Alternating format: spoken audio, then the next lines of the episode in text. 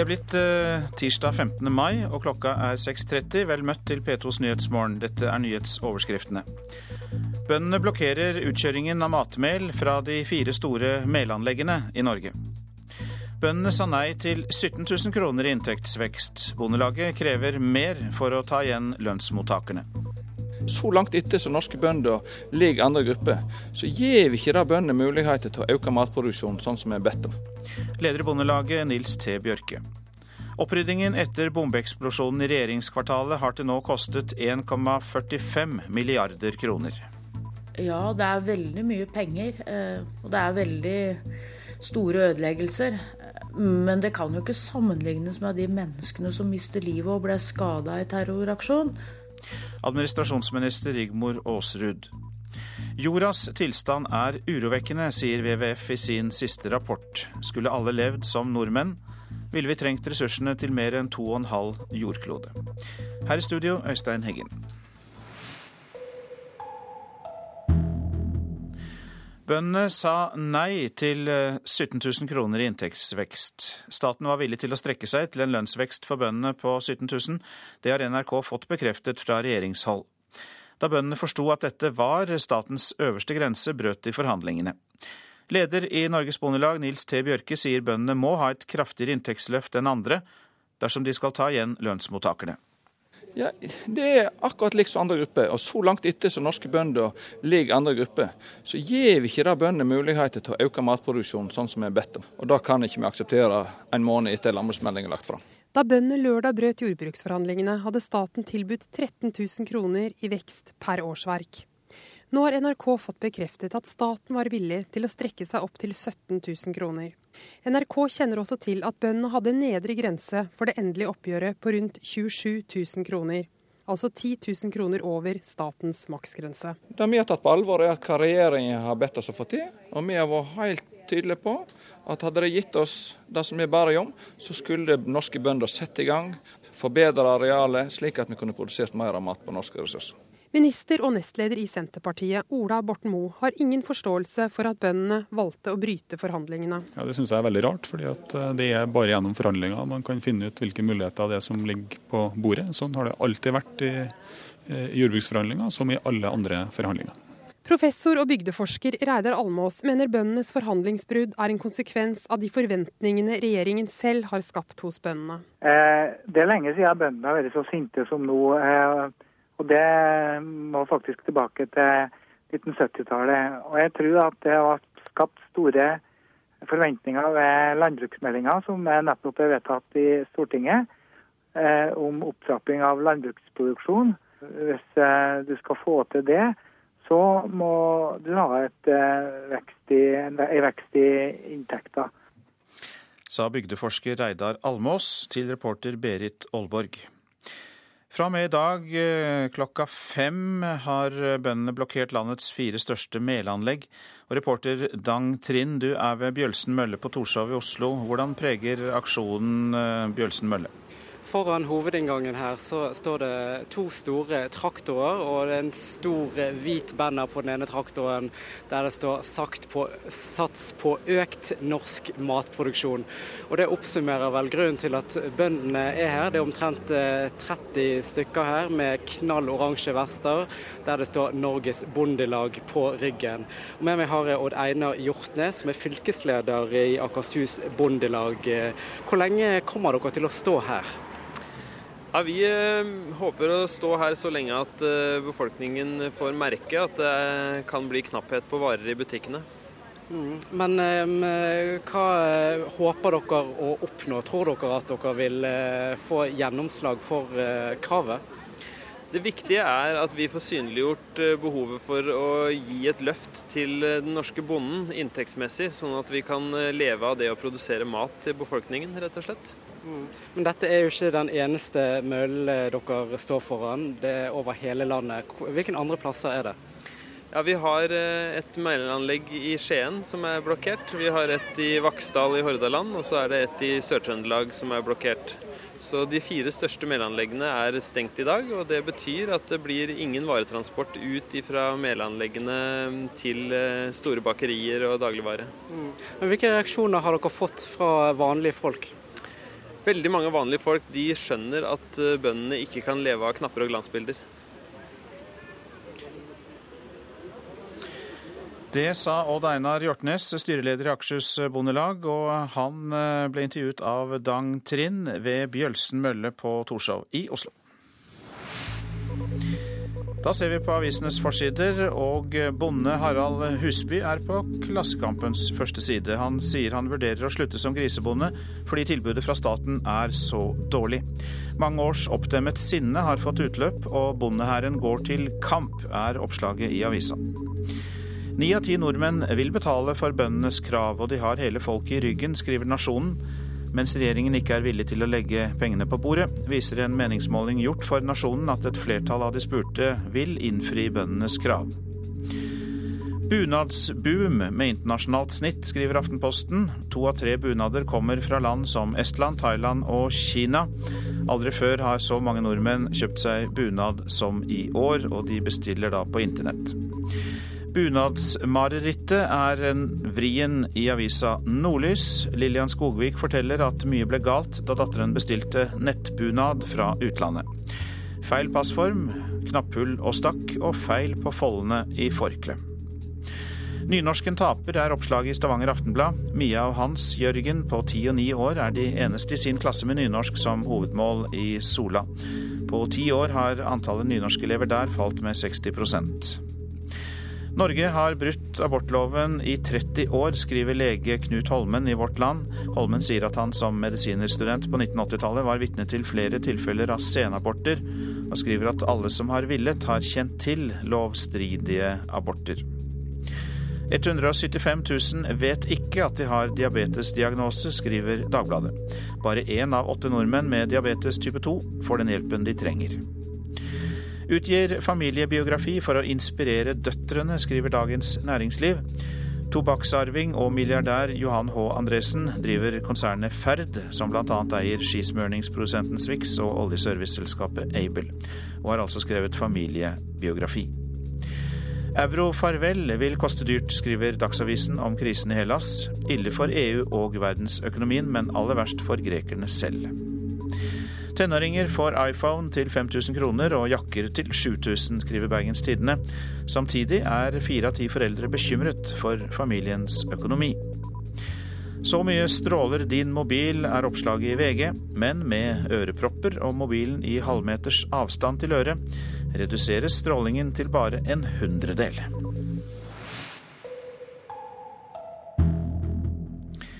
Det koster over dobbelt så mye å rydde opp og sikre regjeringskvartalet etter terrorangrepet enn det regjeringen først antok. I revidert nasjonalbudsjett for 2012, som legges fram i dag, vil regjeringen øke bevilgningen til opprydding med 770 millioner kroner. Så langt har oppryddingen bare etter terrorangrepet i regjeringskvartalet kostet til sammen 1,45 milliarder kroner. Det forteller fornyings- og administrasjonsminister Rigmor Aasrud. Bevilgning til opprydding, nye lokaler, sikkerhet i nye lokaler. Hun ramser opp noe av det de 770 ekstra millioner kronene går til. I dag klokken 11 legger regjeringen fram revidert nasjonalbudsjett. Det er fortsatt etterdønninger etter terrorangrepet. 770 millioner kroner kommer i tillegg til en bevilgning på nesten 650 som vi hadde før jul. Og det er helt nødvendig for at vi skal betale husleie, sikkerhetstiltak og opprydning i regjeringskvartalet etter terroraksjon. terroraksjonen. Så langt har rydding og sikring etter terrorangrepet i regjeringskvartalet alene kostet 1,45 milliarder kroner. Og da kommer kostnader til rettssaken, helse og politi i tillegg. For de berørte departementene måtte leie nye lokaler. Regjeringskvartalet og nye lokaler skal sikres, og det blir ansatt flere sikkerhetsvakter. Da vi la fram statsbudsjettet i oktober, så de tallene som var inne der, er jo tall som da iallfall var en drøy måned gamle. Eh, vi hadde ingen oversikt over hvor omfattende eh, sikringsarbeidet og restaureringsarbeidet var på det tidspunktet. Vi hadde heller ingen oversikt over hvor dyre sikkerhetstiltakene i de midlertidige lokalene som departementene skulle inn i, og husleie der var. Så det var et veldig, veldig, veldig usikkert anslag. Det er planlagt omfattende sikring av de nye departementsbygningene og statsministerens nye kontorer i Forsvarsdepartementet. Regjeringen vil bevilge 335 millioner kroner i revidert nasjonalbudsjett. De anslår at sikringsarbeidet totalt vil koste 400 millioner kroner. Og Det er nødvendig for å ha et sikkerhetsnivå som er akseptabelt i de bygga som eh, brukes til statsråder og andre i statsadministrasjon. Noen hundre meter unna Aasruds kontor i Oslo tinghus er rettssaken mot han som forårsaket alt dette i sin femte uke. Samtidig så tenker jeg at ja, det er veldig mye penger, eh, og det er veldig store ødeleggelser. Men det kan jo ikke sammenlignes med de menneskene som mister livet og ble skada i terroraksjon. Så for meg er det fortsatt litt sånn at det, der, ja, det er veldig mye penger. Eh, og det er krevende å finne plass til det i, i budsjettene våre, sjølsagt. Men, men, det er jo ikke det som er det største tapet med, med terroraksjon. Det var jo de som ble drept og skadd. Det sa statsråd Rigmor Aasrud til reporter Ellen Omland. Natur- og miljøorganisasjonen WWF, Verdens naturfond, legger i dag fram rapport om tilstanden til den planeten vi lever på. Og generalsekretær Nina Jensen, dere sier vi snart trenger en ekstra klode, og hva mener dere? Nei, Den situasjonen vi ser nå er ganske alvorlig. Vi forbruker ressurser i et tempo uh, ulikt noe vi har sett tidligere. Uh, og menneskers fotavtrykk er altså doblet siden midten av 60-tallet. Det betyr at vi forbruker natur uh, og ressurser som gjør at planeten ikke kan produsere det på nytt. Og det betyr at viktige varer som altså matvarer, Vann eh, og ren energi blir en stadig knappere ressurs. I denne rapporten så står det at folk fra sør ofrer sin natur for vår rikdom. og Hvordan skjer det? Rike land har i dag eh, et fotavtrykk som er ca. fem ganger større enn det fattige land har. Eh, samtidig så ser vi at tapet av naturmangfold er størst i de fattige landene. Så Det betyr altså at vi øker vår velstand og øker presset på natur på bekostning av fattige mennesker. Men hvordan kan utviklingen snus? Fordi det virker jo som verden nærmest er maktesløs eh, i vår velstand, for å si det sånn. Nei, Det er klart det må en del elementære grep til i måten vi lever på og i, uh, i måten politikerne legger opp uh, styresettet. Uh, men dette er jo ikke til forkleinelse for folk heller. Altså, selv om vi har økt levestandarden vår ganske dramatisk over de siste årene, så har vi jo verken blitt lykkeligere, sunnere eller friskere. Så det vi faktisk må slutte å gjøre, er å kaste strøm og energi ut av vinduet. Vi må slutte å overforbruke ressurser og kaste mat og fullt brukelige varer som det vi gjør i dag. Og så må vi stille litt større krav til de produktene vi bruker. Men hva kan politikerne gjøre? Politikerne kan gjøre mye, og det er jo her det største ansvaret hviler. De må sørge for eh, både en mer bærekraftig eh, matproduksjon de må sørge for at eh, klimautslippene våre går ned og ikke opp, slik som de gjør i dag. Da kan de f.eks. innføre en norsk klimalov som vil eh, regulere eh, utslippene og sørge for at de faktisk går ned. Og ikke minst så kan de jo stoppe med noe av det mest natur- og klimafiendtlige som vi driver med, nemlig tjæresandsatsingen i Canada. Ja, for det er tema på Statoils generalforsamling i dag, faktisk. Og hvorfor bør det skrinlegges? Det er et av de absolutt verste prosjektene i moderne tid. Det både raserer naturmangfold over eh, svære områder. Det slipper også ut mer CO2, 13 eh, ganger mer CO2 enn det vanlig nordsjøolje gjør.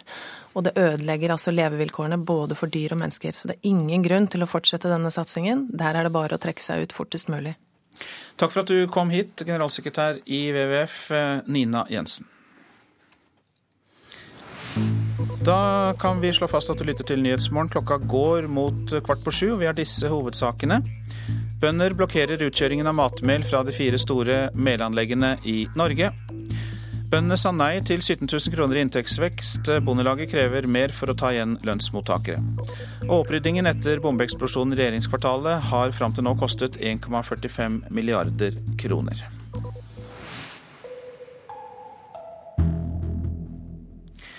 Idretten vil at eh, kommunene skal ta en stor del av anleggsutgiften i forbindelse med et eventuelt vinter-OL i Oslo i 2022.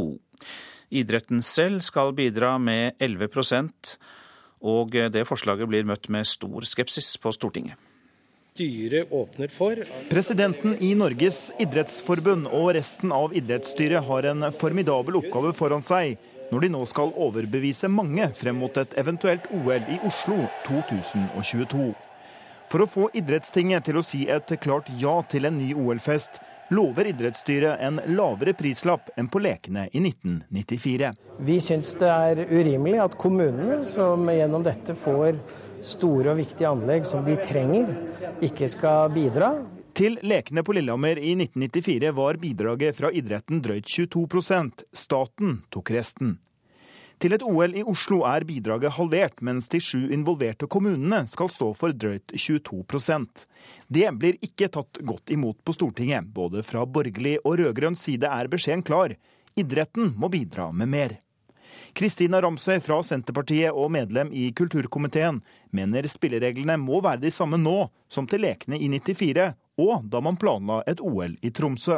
Vårt utgangspunkt er at reglene er det samme nå som det har vært tidligere. At idretten er nødt til å ta 22,3% Ramsøys komitékollega fra Fremskrittspartiet, Solveig Horne, er redd idrettens finansieringsplan kan gå utover tilbudet til barn og unge. Det som vi er redde for nå, det er jo det at med eh, kommunene nå, hvis de skal ta så stor del som det idretten legger opp til, at det kommer til å gå utover annen idrett, og spesielt barne- og ungdomsidrett og breddeidretten.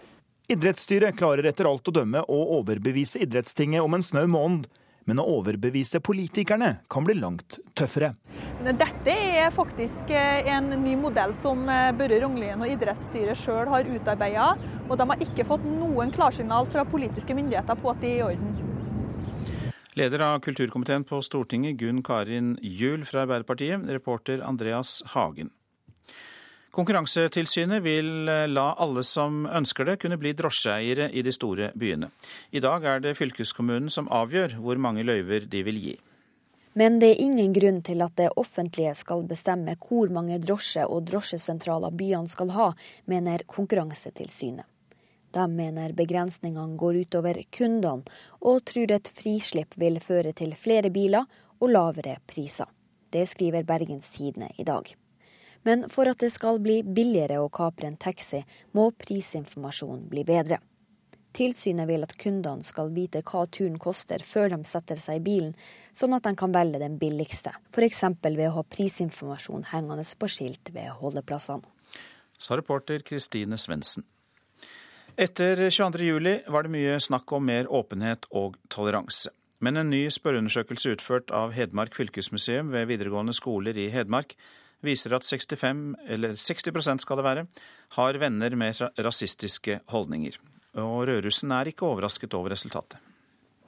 Altså, Man blir jo ikke akkurat overraska. Det er skummelt at mange som sier de ikke vet, og sier at det er super og kjempebra, og så vet de ingenting om det. Kommentarutstillinga som den flerkulturelle rappgruppa Moments åpna på Glåmdalsmuseet i går, viser at lite har endra seg etter 22.07. Enkelte mener at vi må bli ferdige med det. Et av de svarene vi fikk inn, var fra en av elevene som i frustrasjon over den omfattende mediedekninga som saken har fått, svarte 22.07 meg her og der. Det skjedde. Get over it. Til tross for at det etter 22.07 var mange vakre ord om demokrati og toleranse, spørreundersøkelsen som er gjort blant 350 videregående skoleelever fra hele Hedmark, tyder ikke på at innvandring og integrering har vært det store temaet, sier museumslektor Sigurd Nilsen, som er ansvarlig for den flerkulturelle satsinga ved fylkesmuseet. Det var overraskende, eh, og vi hadde trodd at eh, mange skulle endre holdning til innvandring og rasisme etter 22.07. Vekk meg Gud. I undersøkelsen Hedmark fylkesmuseum har gjort, svarer 60% av elevene at de har venner med rasistiske holdninger. Det sier bare, altså, Man tror jo at bare de har brune øyer, så er det muslimer. Og de kommer til å gjøre noe med landet vårt som er helt forferdelig, eller noe sånt. Det, det begynner, alt begynner i uvitenhet. 30% av de som svarte, tror muslimer utgjør 25% eller mer av Norges befolkning. Det riktige tallet er 2 Norge er hvitt om vinteren og skal være det om sommeren òg. Leder i Hedmark AUF, Elisabeth Dreyer Sisselrud, var på Utøya og sier dette om resultatene i undersøkelsen. Jeg visste at eh, det fins rasistiske holdninger, det fins mennesker med rasistiske holdninger, men eh, tallet var nok høyere enn det jeg hadde forventa at det skulle være. Selve utstillinga består av en videoinstallasjon laget av kunstneren Aurora Sandlilje, som opplevde rasismeopptøyene i Brumunddal på 90-tallet. Utstillinga vises nå samtidig ved alle de åtte avdelingene til Fylkesmuseet i Hedmark. Vi ønsker å skape en debatt, eh, men vi driver også kunnskapsformidling. Jeg tror undersøkelsen vår er representativ ved at bildet er veldig sammensatt. Og det viser denne utstillingen også. Vi eh, avdekker rasistiske utsagn, men vi avdekker også veldig positive utsagn om innvandring eh, i folks nærmiljø. Og sånn er nok bildet i hele Norge. Men jeg kunne begynne med de to eh, unge representantene. Jo... Etter at utstillinga åpnet, var elever fra videregående og ungdomsskole invitert til paneldebatt.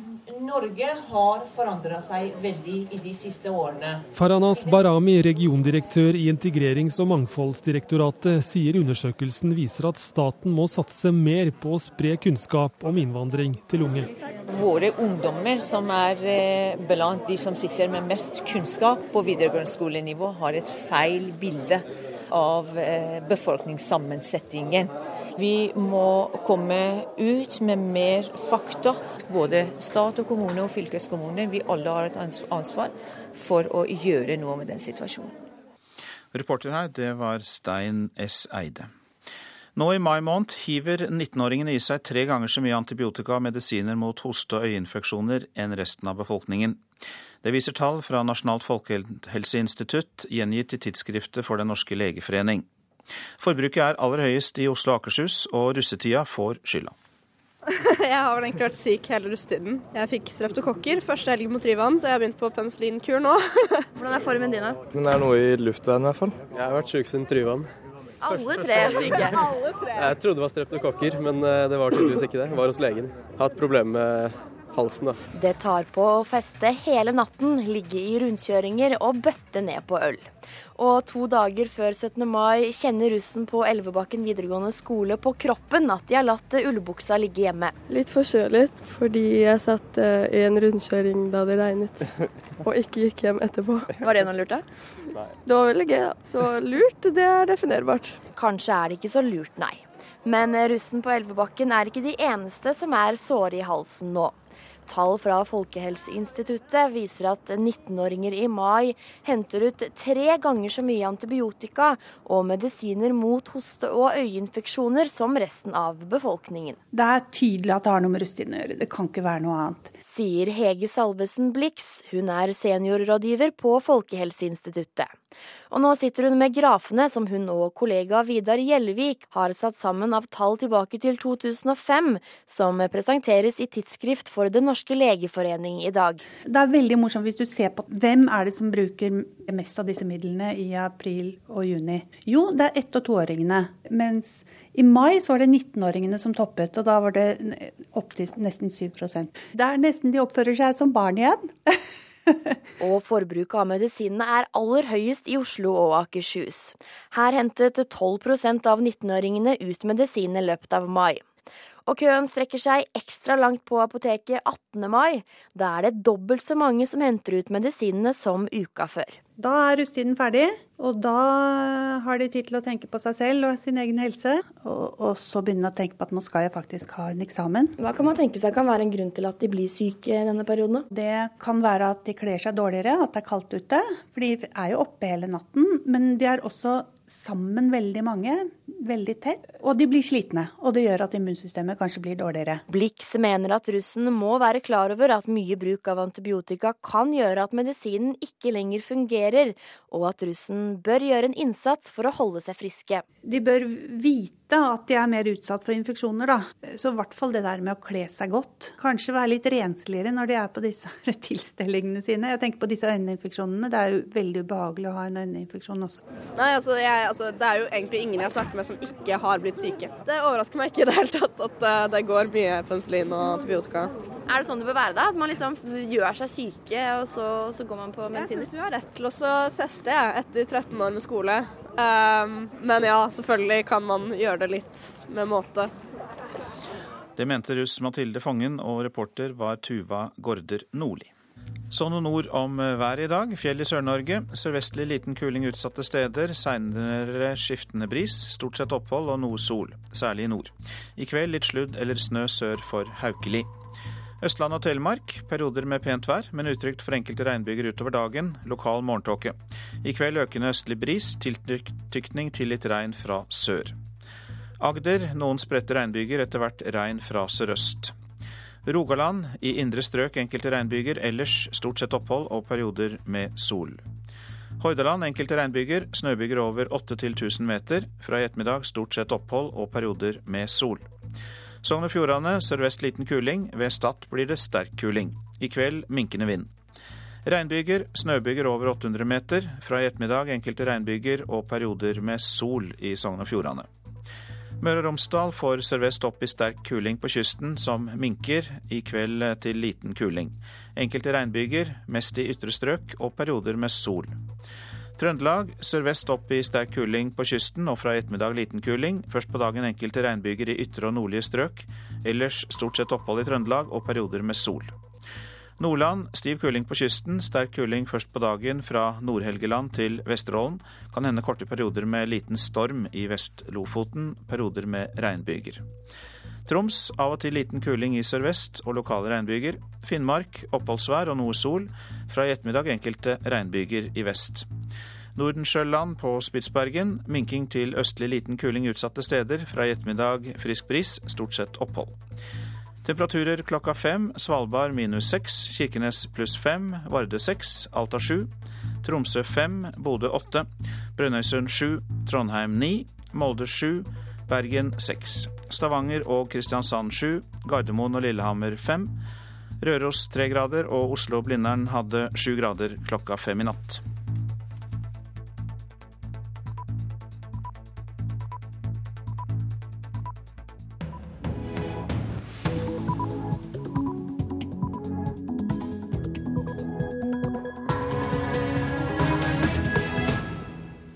Klokka er sju, og du lytter til P2s Nyhetsmorgen. Her er Øystein Heggen i studio i dag, og vi har en nyhetsoppdatering.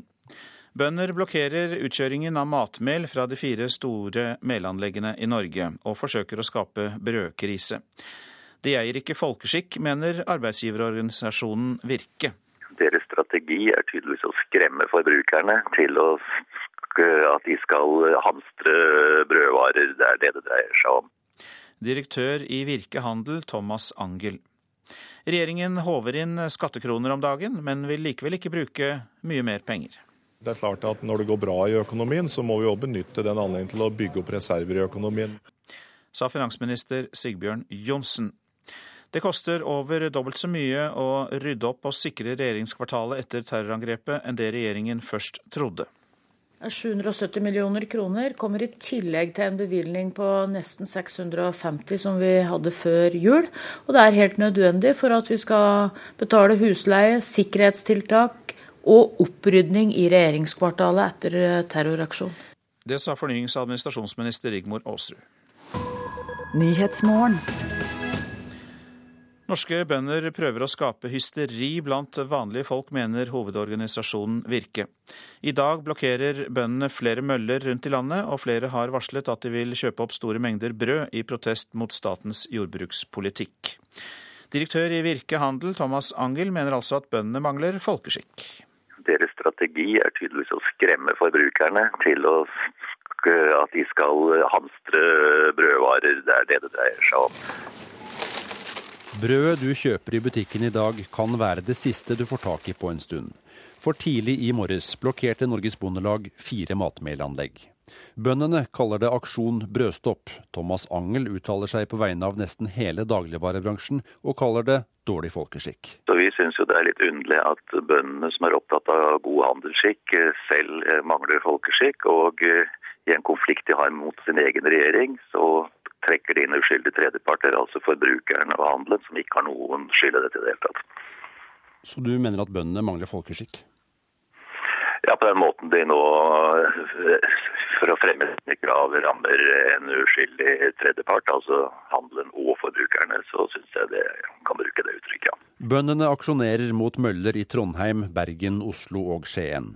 Det går bl.a. utover Norges største bakerikonsern Bakers, der Ole Nergård er sjef. Det er jo en litt eh, besynderlig, litt uvanlig eh, aksjonsform.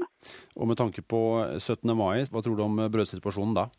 Det er eh, grunn til å tro at vi og de fleste andre bakeriene vil kunne få problemer med fulle eh, leveringer til den 16. mai. Jo, vi må jo selvfølgelig gjøre alt det vi kan for å sikre nok brød til alle. Lise Mette Kjellberg er kommunikasjonsrådgiver i ICA Norge. Der forbereder de seg på en travel dag. Det betyr jo da at vi setter inn et ekstra gir i brødavdelingene våre. Men dere steker opp ekstra og, og handler inn mer enn det som opprinnelig var planen? Ja, så vi tar oss og steker opp det vi har nå, og får pusha det ut i butikkene. Reporter Fredrik Lauritzen. Så skal vi ut og høre mer om denne såkalte aksjon Brødstopp. For eh, fra klokka fem i natt så har bønder blokkert eh, de fire største melanleggene. Eh, de vil hindre utkjøring av mel til bakerier og butikker. Og Reporter Dang Trind, du er ved Bjølsen mølle på Torshov i Oslo. Hva foregår rundt deg nå? Jeg står eh, foran hovedinngangen her, og da er den blokkert av en eh, stor traktor.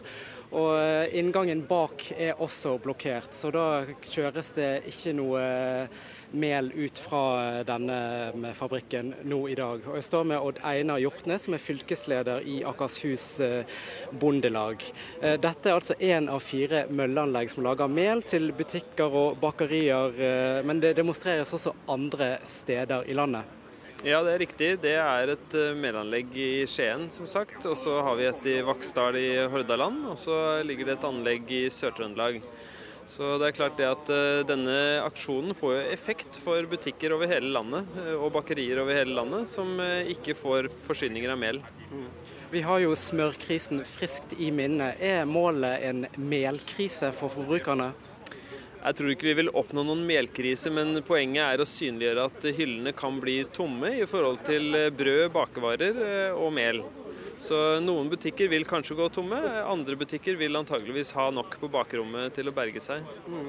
Det er jo en relativt fredelig demonstrasjon her. Dere er om lag 30 eh, bønder som står eh, og demonstrerer i eh, oransje refleksvester.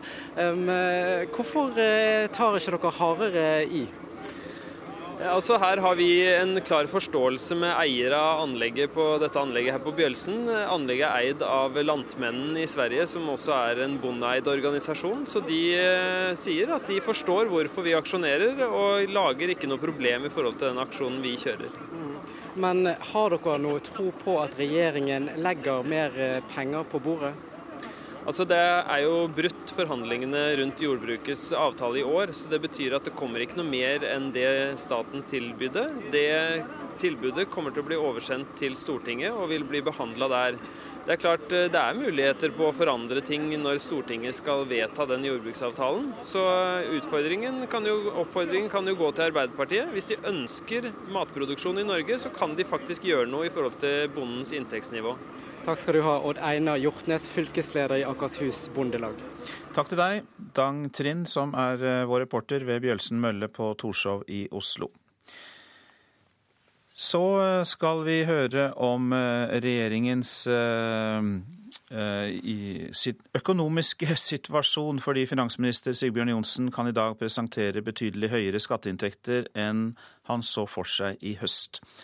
Han kunne ha brukt flere milliarder kroner uten å bryte handlingsregelen. Likevel så vil han ikke bruke mye mer penger på veier og helsevesen f.eks.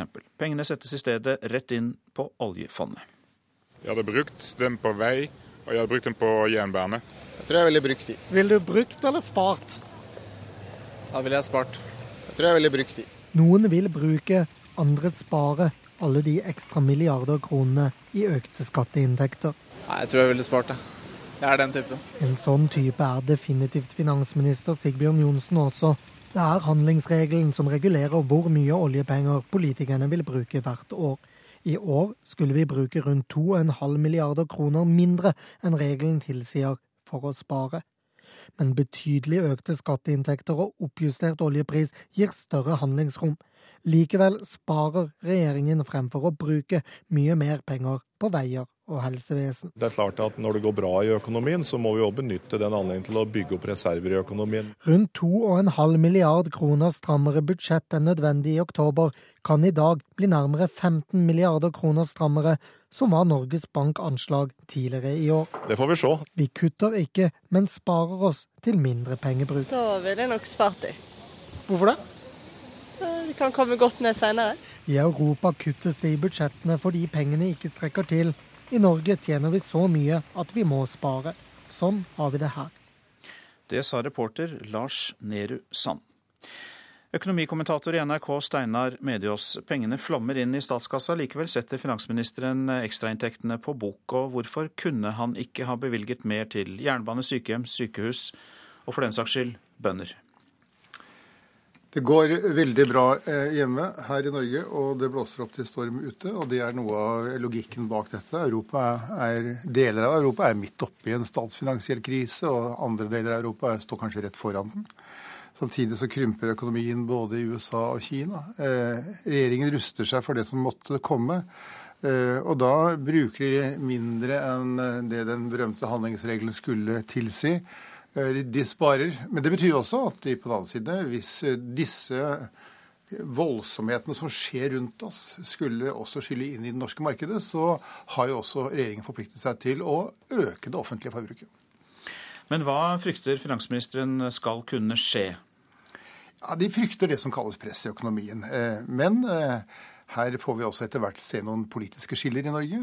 Det er verdt å merke seg at av de 200 milliardene som skal investeres i det norske næringslivet dette året her, så er 185 av disse milliardene de går til norsk sokkel, altså til olje- og gassindustrien. Det er utenfor handlingsregelen. Det er på en måte penger som ikke skaper press i økonomien. Mens resten skaper press i økonomien.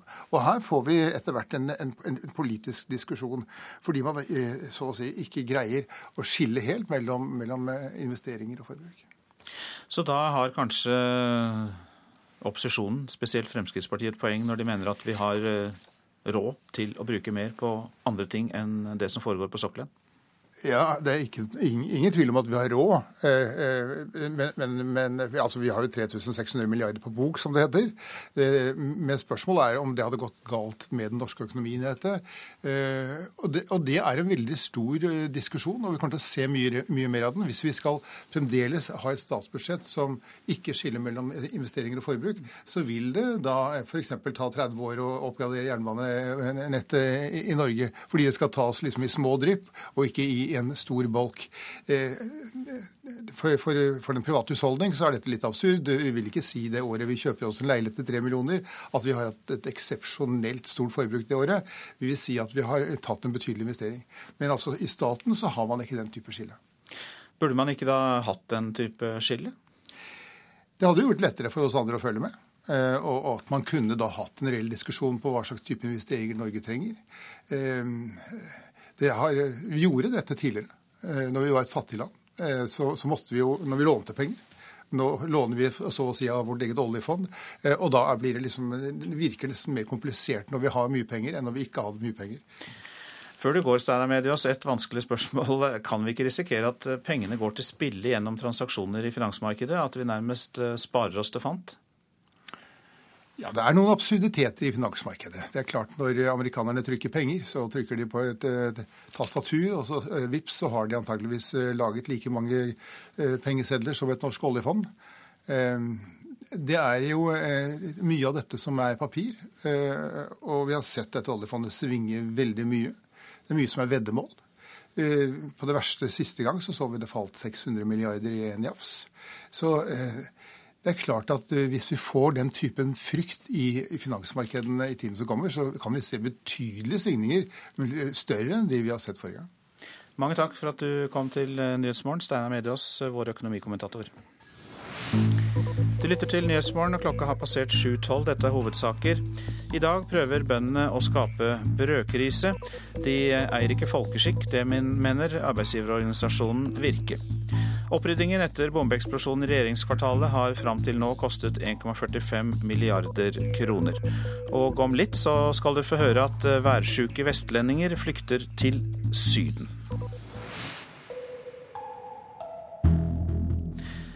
Forbrukerombudet advarer mot skjult reklame på blogger, og tror leserne blir lurt. Nå krever de at uh, også de som bruker blogger som reklamekanal, tar ansvar. Mange bloggere tjener gode penger på reklame. Maskaraen, å, den er så sykt bra. Endelig har jeg funnet en maskara som oppfyller alle mine Ja, ok, det er litt sånn det er, veld, det er, jo veldig sånn Skal vekke oppmerksomheten til Ja, ganske overdrevet. 15-åringene Dina Birk og Bror ser igjennom blogger på internett.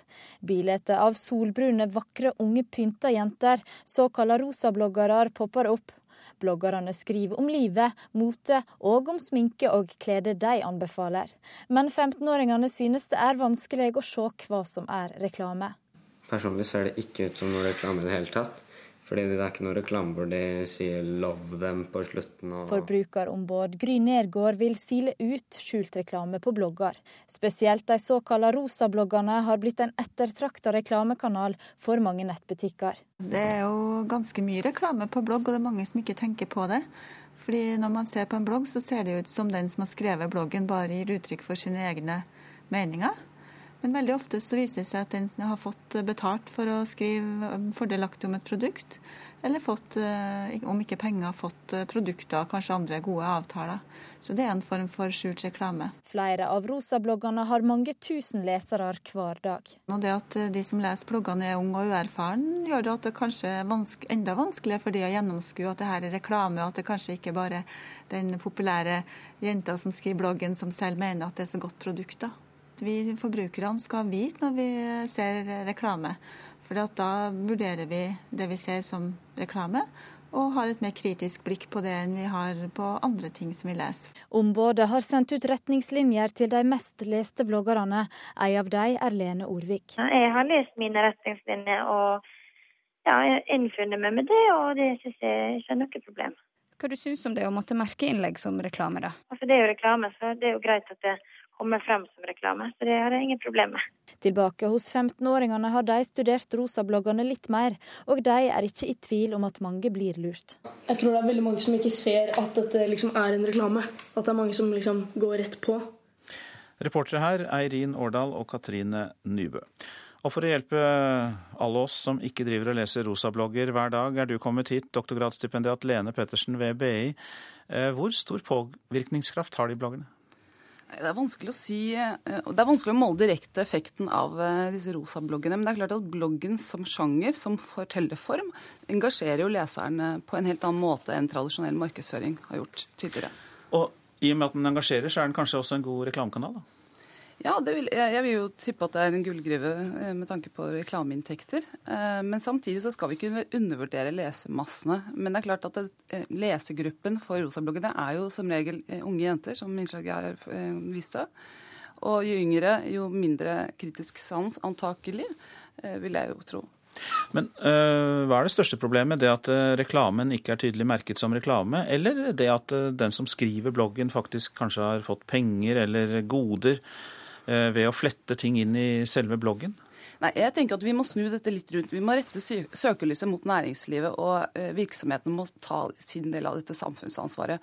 En eh, ting er at disse bloggerne, disse jentene som blogger, jo har blitt sponset antakelig, og får produkter og penger og andre goder. Hvem ville ikke tatt imot gratis kinobilletter eller maskara lipgloss, gudene vet hva, dersom de skrev litt om det hvis man var 14 år. Her har, man, her har næringslivets ansvar, og hvilke avtaler ligger til grunn mellom eh, bloggerne og de som, blir, altså de som sponser disse bloggerne. Sånn at eh, Istedenfor å gå på disse jentene og sette, eh, sette søkelys på disse dilemmaene disse jentene eh, antakelig kommer opp i, så må vi jo se på hva slags kontrakt ligger til grunn her. Eh, hvor eh, hva sier loven om å ta kontakt med en jente som blogger som helt ned i tolvårsalderen, skal da produktplassere eller omtale et produkt. Hva slags relasjon og kontrakt ligger til grunn i en slik avtale? Som man ser på fotballbanen eh, f.eks. Da har man visse forpliktelser, og det må komme tydelig frem hvordan dette produktet også skal omtales, vil jeg påstå. Men kommer eventuelle reguleringer i strid med det som er internettets store fordel? Fordel at den har så stor frihet, kanskje i forhold til tradisjonelle medier? Jeg tenker jo at eh, ja, internett eh, er et nytt medium. Vi har mange ulike sjangere som har poppet opp med nye medier. Men det er i utgangspunktet ikke noe forskjell på om reklamen kommer via fax, SMS, internett. Vi har et lovverk vi må forholde oss til, uavhengig hvilket medie dette kanaliseres via. Når kommer bloggverdenen i ordnede etiske former, da, tror du? Nei, jeg vet ikke. Det er vanskelig å si. Men det er som min kollega eh, Øyvind Kvalsnes fra BI påpeker, med regler kommer også smutthull. Eh, istedenfor å konstruere opp en masse regler som disse bloggerne må forholde seg til, så tror jeg vi må eh, tråkke et skritt tilbake og se på denne relasjonen mellom næringslivet og sponsorene. Eh, for eh, Thomas Moen har jo tidligere forsøkt å konstruere bloggregler eh, med denne bloggplakaten. Jeg tror ikke det vil lykkes på sikt å konstruere regler som man skal måtte forholde seg til. Takk skal du ha, Lene Pettersen ved BI, som er doktorgradsstipendiat og kjenner dette langt bedre enn mange av oss andre. Takk skal du ha. Takk for at jeg fikk komme. Francois Hollande rekker så vidt å avlegge presidenteden i Paris før han setter kursen mot Berlin for å møte den tyske forbundskansleren i dag. Siden de er uenige om hvordan eurokrisen bør løses, er mange spent på om de vil klare å bekjempe den på en effektiv måte. Mens Angela Merkel vil øke eurokrisen med streng budsjettdisiplin, lover eh, Francois Hollande, han i hvert fall i valgkampen, nye offentlige tiltak for å få fart på økonomien. Kredittratingsbyrået Moody's har nedgradert 26 italienske banker som kan bli rammet av den økonomiske uroen i eurosonen. Ratingene til italienske banker er nå blant de laveste i de mest utviklede europeiske økonomiene. Unicredit og Intesa San Paolo, de to største italienske bankene, er blant dem som får nedgradert sin kredittverdighet. USA berømmer ugandiske styrker for å ha tatt til fange en av lederne i Herrens motstandshær. Talsmann for Det hvite hus, Jay Carney, sier at arrestasjonen av Cæsar Akilam, som er rangert som den fjerde ledelsen i gruppen, øker håpet om at også lederen, Joseph Connie, er innen rekkevidde. Akilam ble arrestert i Den sentralafrikanske republikken søndag og fløyet til Sør-Sudan.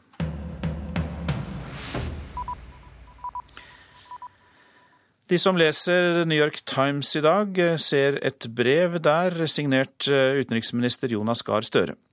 I brevet ber han Nato om å komme til enighet om tiltak for å få bukt med taktiske atomvåpen. Taktiske atomvåpen er betegnelsen på kjernefysiske våpen som har en mindre sprengkraft enn de langt kraftigere strategiske atomvåpnene. Støre håper med det å gjøre taktiske atomvåpen til et tema under Nato-toppmøtet i Chicago til helgen. Ja, det er den polske utenriksministeren og jeg som i to år har tatt dette initiativet i Nato og fått bred støtte til det.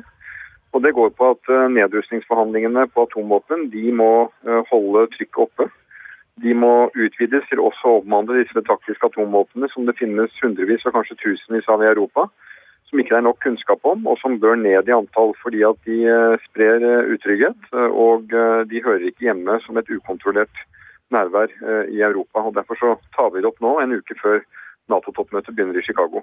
Hva mener du er den største utfordringen i dette arbeidet?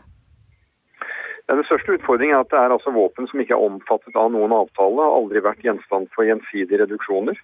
Det antydes at det kan være noen hundre amerikanske og noen tusen russiske. Og det vi mener er at det vil være et tillitsskapende tiltak i forhold til Russland og USA om de to landene begynte å inkludere disse våpnene i sine nedrustningsforhandlinger. Og det bør de begynne med snarere eh, fremfor senere. Hvordan mener du at Nato kan gå frem for å oppnå det? Ja, Nato bør jo gradvis redusere avhengigheten av atomvåpen i sin strategi. Det mener jeg det er en utvikling i retning av. Nato-toppmøtet for to år siden sa at målet vårt burde være å bidra til en verden uten atomvåpen. Det må skje med at de strategiske atomvåpnene går ned i antall, men også at disse blir inkludert. Så Vårt forslag er at eh, Russland og uh, USA, når de neste gang skal diskutere reduksjon av kjernevåpen, inkluderer disse våpnene. Og Det mener vi det er viktig å si fra om, og vi gjør det nå i dette brevet til en internasjonal avis før Nato-toppmøtet begynner eh, til helgen. Utenriksminister Jonas Gahr Støre intervjuet av eh, Charlotte Bergløff. Så eh, avisenes forsider. Bonde Harald Husby er på Klassekampens forside. Han sier han vurderer å slutte som grisebonde fordi tilbudet fra staten er så dårlig. Mange års oppdemmet sinne har fått utløp, og bondehæren går til kamp, er oppslaget i avisa. Ni av ti nordmenn vil betale for bøndenes krav, og de har hele folket i ryggen, skriver Nasjonen. Mens regjeringen ikke er villig til å legge penger på bordet, viser en meningsmåling gjort for Nasjonen at et flertall av de spurte vil innfri bøndenes krav. Bunadsboom med internasjonalt snitt, skriver Aftenposten. To av tre bunader kommer fra land som Estland, Thailand og Kina. Aldri før har så mange nordmenn kjøpt seg bunad som i år. Norge har brutt abortloven i 30 år, skriver legen Knut Holmen i Vårt Land. Holmen sier at han som medisinerstudent på 1980-tallet var vitne til flere tilfeller av senabort, og skriver at alle som har villet, har kjent til lovstridige senaborter. 175 000 vet ikke at de har diabetesdiagnose, skriver Dagbladet. Bare én av åtte nordmenn med diabetes type 2 får den hjelpen de trenger. Utgir familiebiografi for å inspirere døtrene, skriver Dagens Næringsliv. Tobakksarving og milliardær Johan H. Andresen driver konsernet Ferd, som bl.a. eier skismøringsprodusenten Swix og oljeserviceselskapet Able. Og nå har han altså skrevet biografi.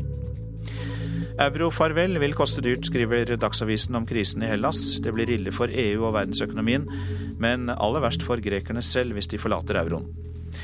Tenåringer får iPhone til 5000 kroner og jakker til 7000, skriver Bergens Tidende. Samtidig er fire av ti foreldre bekymret for familiens økonomi.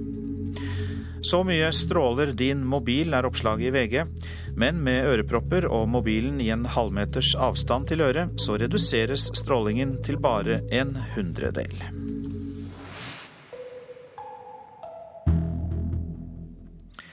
Det koster over dobbelt så mye å rydde opp og sikre regjeringskvartalet etter terrorangrepet enn det regjeringen først antok. I revidert nasjonalbudsjett for 2012 som legges fram i dag, vil regjeringen øke bevilgningen til opprydding med 770 millioner kroner. Det opplyser fornyings- og administrasjonsminister Rigmor Aasrud. Så langt har oppryddingen, bare etter terrorangrepet i regjeringskvartalet, kostet til sammen 1,45 milliarder kroner bevilgning til opprydding, nye lokaler, sikkerhet i nye lokaler. Hun ramser opp noe av det de 770 ekstra millioner kronene går til. I dag klokken 11 legger regjeringen fram revidert nasjonalbudsjett. Det er fortsatt etterdønninger etter terrorangrepet. 770 millioner kroner kommer i tillegg til en bevilgning på nesten 650 som vi hadde før jul. Og det er helt nødvendig for at vi skal betale husleie, sikkerhetstiltak og opprydning i regjeringskvartalet etter terroraksjonen. Så langt har rydding og sikring etter terrorangrepet i regjeringskvartalet alene kostet 1,45 milliarder kroner. Og da kommer kostnader til rettssaken, helse og politi i tillegg. For de berørte departementene måtte leie nye lokaler. Regjeringskvartalet og nye lokaler skal sikres, og det blir ansatt flere sikkerhetsvakter. Da vi la fram statsbudsjettet i oktober, så de tallene som var inne der, er jo tall som da iallfall var en drøy måned gamle. Eh, vi hadde ingen oversikt over hvor omfattende eh, sikringsarbeidet, restaureringsarbeidet var på det tidspunktet. Noen hundre meter unna Aasruds kontor i Oslo tinghus er rettssaken mot han som forårsaket alt dette i sin femte uke. Ja, det er veldig mye penger. Og det er krevende å finne plass til det i budsjettene våre, sjølsagt. Men, men det er jo ikke det som er det største tapet med, med terroraksjonen. Det var jo de som ble drept og skadd. Det sa fornyings- og administrasjonsminister Rigmor Aasrud. Reporter Ellen Omland. Værsjuke vestlendinger fortviler over det elendigste vårværet i manns minne. Mange frykter nå en eh, ny, kald og sur sommer og bestiller billetter til Syden. Folk på Nordfjordeid i Sogn og Fjordane har lite positivt å si om været, for så langt har mai vært mer vinter enn sommer. Skitvær. Det er veldig trasig. Dette her er akkurat som det har vært høsten, dette her. For mye vann og for lite sol.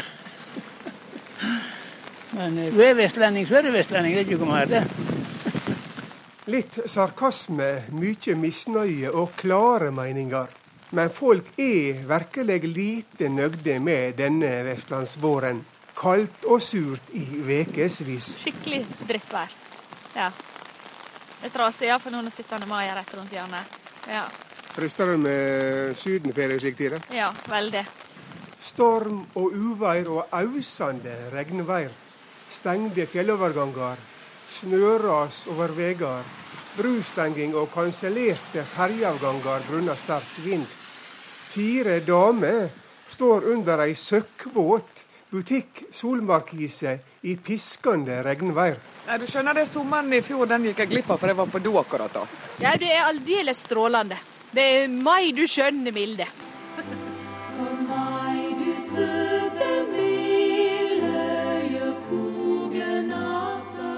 Nei, det har så visst ikke vært mai, du søte milde, på Vestlandet. Det merker også solferieselgeren Apollo i Bergen tydelig. Det har jo vært eh, folk innom bare i dag som vil komme seg vekk eh, allerede på lørdag. Så eh, de spør eh, hvor, hvor kan vi reise raskest mulig. Men hva sier det om været? Nei, de orker jo ikke mer regn, så det er jo klart de vil reise dit man finner sol med en gang. Jeg vet vi har vel hatt rundt en eh, 55 eh, større pågang enn vi hadde samme tid i fjor. Så det er bare de siste tre ukene, så det sier jo litt. Det er for så vidt forståelig når det er så stabilt drittvær som det har vært nå. Og nå akkurat i dagene før 17. Eh, mai så uh, selger vi mest ull under og regntøy over. Og Reidun Sunde driver butikk med all slags klær og Hva med sommerklær, da? Ja, vi har jo solgt litt sommerklær, men det er, lar vente på seg litt. Og det er jo selvfølgelig pga. været. De fleste savner nå litt sol og lengter etter litt varmere vær. Du sjøl, da? Ja, jeg òg. det er klart. Det er jo mye kjekkere når det er fint vær og sol og en kan være ute og kose seg. Men, um, men vi får ta på oss vestlandsbunaden på 17. mai, tenker jeg. Hva det vil si? Ja, det er oljehyre fra topp til tå med sydvest på topp. Ja, det var eh, Harald Kolseth som leverte den eh, værrapporten fra Nordfjordeid. Etter Dagsnytt skal Nyhetsmorgen til Mexico, som er et av verdens farligste land for journalister. Produsent for Nyhetsmorgen, Ingvild Ryssdal. Her i studio, Øystein Heggen.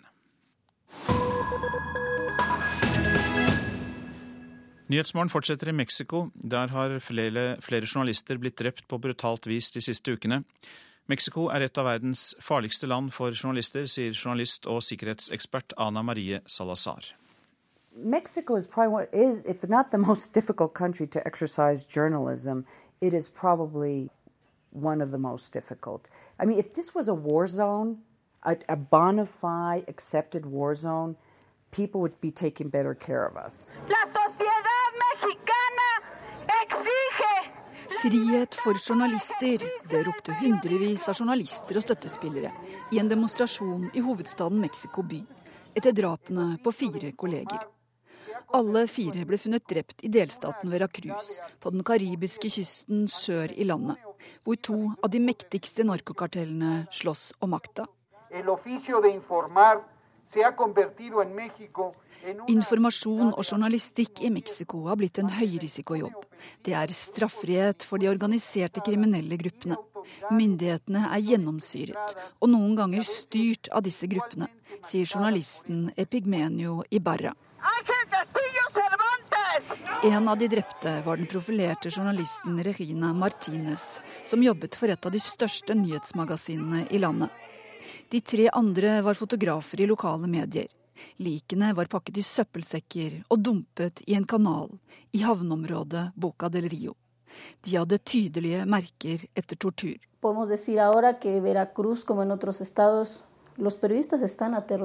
I Veracruz, som mange andre steder, blir journalister terrorisert, og myndighetene bryr seg ikke, sier Balbina Flores i organisasjonen Reportere uten grenser. Over 80 journalister er drept, og minst 14 savnet de siste ti årene. Få eller ingen av sakene er etterforsket, for også politiet er mange steder kjøpt opp av kartellene.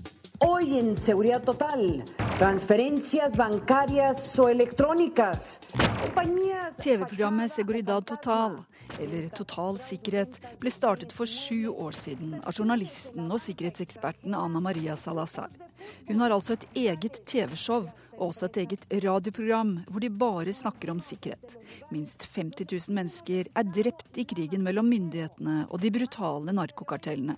Og mange journalister er redde. So you find yourself uh, being very careful about what you write. Vi er forsiktige med hva vi skriver og hva vi sier for ikke å sette oss selv og familien i fare, forteller Salazar. We've got cases where not only did they kill the journalist, but they killed his whole family. Mange journalister spør seg om det er verdt å utsette seg for den risikoen jobben innebærer, og selvsensur er utbredt. Of uh, newspapers in some of these states, Hvis du ser på nettaviser i flere stater, er det som å se på lokalaviser i Europa. Det er lite eller ingenting som skjer, forteller Salazar. Hun nevner et eksempel fra delstaten Tamalipas i nord, mot grensa til Mexico. Ingen aviser rapporterte at mange migranter, fattige fra Mellom-Amerika, som tar seg ulovlig gjennom Mexico på vei mot USA, var forsvunnet. Etter hvert fant de en massegrav med 200 mennesker. Probably what happened, there was all these rumors And they wouldn't dare start publishing that because they would kill them. I mean, Salazar mener det internasjonale samfunnet ikke har forstått at det er en krig som pågår i Mexico, og at det er livsfarlig for journalister. You know, I don't think we have a very good sense as to as to how dangerous it is to try to exercise journalism in Mexico. I think Mexican journalists are probably the bravest people in the world, and nobody is saying that in that way. Og reporter var Inger Marit Kolstadbråten. Du lytter til Nyhetsmorgen, dette er hovedsakene. Bønder blokkerer utkjøringen av matmel fra de fire store melanleggene i Norge. Bøndene sa nei til 17 000 kroner i inntektsvekst. Bondelaget krever mer for å ta igjen lønnsmottakere. Oppryddingen etter bombeeksplosjonen i regjeringskvartalet har fram til nå kostet 1,45 milliarder kroner. Og pengene strømmer inn i statskassa og vel også inn i Politisk kvarter i dag, programleder Bjørn Bø? Ja, i den forstand at uh, sjefkasserer og finansminister Sigbjørn Johnsen er her for å snakke om sitt reviderte budsjett. Dessuten er det en ny vegring i Stortinget mot å grunnlovfeste lokaldemokratiet.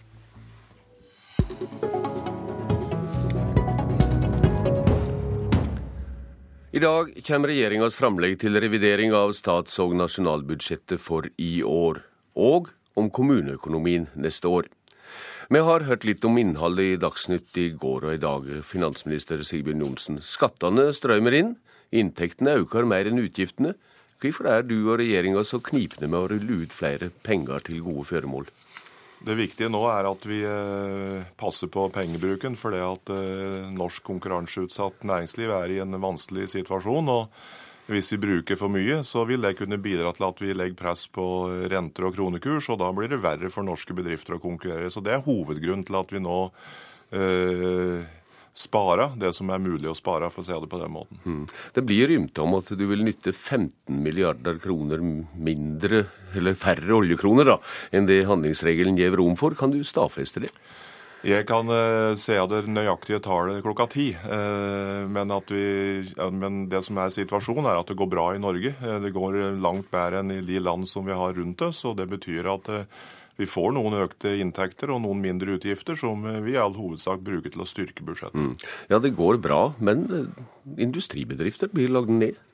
Ja, det er noe av hovedutfordringen vår. For det at eh, deler av industrien går veldig bra, mens f.eks. andre deler det vi kaller tradisjonell eksportindustri, sliter med et høyt kostnadsnivå. og Treforedling til dømes, ja. Ja, treforedling er eh, en av de bransjene som har spesielle utfordringer. Og vi vil òg gjennom budsjettet prøve å ivareta en del av de viktige hensyn som tre, treforedlingsindustrien har, og, skal, og, den rollen de skal spille i, tida framover. Jordbrukerne er oppøst over tilbudet fra staten i deres oppgjør. Du, statsministeren og Arbeiderpartiet får skylda for det som blir kalla skambå i en god økonomisk situasjon. Hvorfor følger det ikke opp landbruksmeldingas bå om økt matproduksjon? Det som er viktig nå, er at eh, det pågår flere inntektsoppgjør for tida. Eh, vi har eh, bak oss deler av et oppgjør i det vi kaller frontfaget. Det gjenstår en del lokale lønnsforhandlinger. Og det er viktig å se jordbruksoppgjøret i sammenheng med det. Og det tilbudet som eh, staten la fram, ville ha gitt eh, jordbruket en inntektsvekst på om lag 4,5% som er betydelig over det som eh, en fikk f.eks. i frontfaget. Lønnsoppgjøret i stat og kommuner er i en kritisk fase. I hva mån kan de offentlig ansatte få et romsligere oppgjør enn det som ble gitt i privat sektor eller i frontfagene, som du sa, i industrien, for å si det slik? Nå skal skal ikke jeg dette ved fristelsen til å kommentere et lønnsoppgjør som eh, pågår. Ja, du vil jo det, men jeg, jeg, jeg er litt mer forsiktig enn deg, da, vet du. Eh, Men eh, det som er eh, viktig, og som jeg har sagt eh, ved gjentatte anledninger, er jo at eh, en må skjele hen til det som industrien tåler eh, i, i, det totale inntektsoppgjøret. Så det er viktig å ha det med seg. Hensynet til konkurranseutsatt næringsliv er, eh, for å si det slik, prioritet nummer én. Mange fagfolk advarer mot at ei bostadboble kan sprekke. Vil du gjøre noe gjennom revisjonen av budsjettet for å stagge gjeldsutviklinga i norske hushold? Nå jobber regjeringa med en eh, boligmelding som eh, kommer senere. Og et av de områdene som er eh, ganske krevende, men samtidig kanskje det viktigste i boligpolitikken, det er at det bygges for få boliger.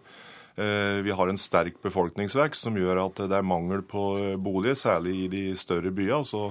Det er en utfordring som vi må ta tak i, både regjeringa, staten, men òg kommuner og andre som kan påvirke boligbygginga. Eh, Det blir bl.a. ropa etter mer penger til veg for å hjelpe til mer verdiskaping i Norge. Du har sikkert ei skryteliste over alt de har sprøtt inn i samferdsel, men noen vil mene du stikker hodet i sanden, særlig fordi det er så atterholdende med langsiktige prosjektinvesteringer. Dette er litt lengre lerret å bleike, men, men det er to ting. For det første så er jo ikke revidert nasjonalbudsjett et nytt statsbudsjett. Eh, De store tinga, òg på vei og jernbane, tar vi stilling til i statsbudsjettet. Det som Også er- finansieringsmetoder. ja, slike ting eh, skal du diskutere da. eh, Og og det som går på det vi kaller prosjektfinansiering, dvs. Si at eh, du fører store og viktige prosjekter på et eget kapittel i statsbudsjettet, er jo noe som er viktig, og som vi prøver ut nå, for å få større forutsigbarhet i sånne i tunge samferdselsprosjekter. Det en må se på i revidert nasjonalbudsjett, er om f.eks. flom og storm har påført vei- og jernbanenettet skader som vi må reparere nå. Og der blir det ekstrapenger, har vi nettopp hørt i Dagsnytt. Det kan jeg bekrefte. Mm. Hellas har både økonomisk og politisk krise, og det skjelver i hele EU euroområdet. I hva grad er norsk økonomisk politikk nå mest innretta på å hjelpe og verne oss sjølve? Det som skjer, er jo at eh, det går bra i Norge, og det får vi se senere i dag. Men eh, i de, våre nærmeste omgivelser i Europa så er det stor usikkerhet. Det er mange som sliter. Det vil påvirke Norge og, og norsk økonomi. Eh, Og jeg er ganske sikker på at vi òg får en diskusjon om innretningen på det som skjer i Europa i stort. Det er jo flere som nå har tid til orde for at en kanskje bør bruke noe mer tid, og ikke stramme seg til raka fant, for å bruke det uttrykket, men at en nå må se på muligheter for å få opp igjen veksten, særlig for å skape muligheter og jobb for unge mennesker. Men eh, den norske, den norske, den norske medvirknaden, det eh, avgrenser seg da til eh, la meg si, en solidarisk liten avlat til Det internasjonale pengefondet? Det er ikke lite. Vi eh, legger fram i dag òg et forslag eh, til Stortinget der vi følger opp de løfter som vi ga før jul om en betydelig økt låneramme fra Norges side til Det internasjonale pengefondet, for å ta tak i utfordringer og problemer som er i mange lands økonomier. Du reviderer altså i dag budsjettet for i år. Budsjettet for neste år, det er et valgkampbudsjett. I hva grad er den etter måten romslige summen i kommuneproposisjonen for neste år et varsel om at du vil åpne mer på pengepungen i statsbudsjettet for neste år? Kommunesektoren er viktig fordi det er førstelinjeforsvaret i velferden, altså ved, ved sida av sykehusene som er i statlig eie. og Det er viktig at eh, Kommune-Norge har gode betingelser for å gi en eh, god skole, for å ha en god eldreomsorg og for å utføre viktige oppgaver på vegne av deg og meg. Så Det er bakgrunnen for at eh, kommunesektoren skal kunne ha gode rammebetingelser. og Så får vi komme tilbake til detaljen der òg. Ja, men eh, også andre øker kanskje neste år, når det er valg? Uansett om det er valg eller ikke valg, så må en jo skjele hen til det som er fornuftig for norsk økonomi. Og jeg mener jo at eh, klarer vi å passe på de gode resultater vi har fått så langt, og samtidig eh, sette oss nye mål, så vil det òg gå bra ved valget. Vi får høre mer til deg utover dagen, tenker jeg. Sigbjørn for Johnsen, takk for at du kom til Politisk kvarter. Sjøl takk. Leder i kommunenes interesseorganisasjon KS, Gunn Marit Helgesen, nå vender jeg meg til deg. Hvor nøyd er du med meldingene om rammene for kommuneøkonomien neste år? Nei, Dersom rammene øker vesentlig, så er selvfølgelig vi fornøyd. Det er nemlig et faktum at det går bra i Norge, og jeg er enig med finansministeren i at det er grunn til å være fornøyd med tingenes tilstand for Norges del, og at vi må bevare arbeidsplasser. Men det er også et faktum at kostnadsveksten i kommunesektoren er mye, mye større enn inntektsveksten. Så hvis vi skal produsere velferdstjenester, så må vi ha dekket opp for befolkningsvekst, pensjonsutgifter og ressurskrevende brukere først og fremst. Så... Men det nyter også godt av økt skatteinntekt? Ja, det håper jeg virkelig. fordi det er ute i kommunene vi produserer velferdstjenester. Så det er helt nødvendig å ha en større ramme til kommunesektoren hvis vi skal innfri de forventninger som Stortinget har vedtatt. Du kommenterer sikkert de reelle tallene seinere i dag. Du blir med oss videre her. Vi skifter tema.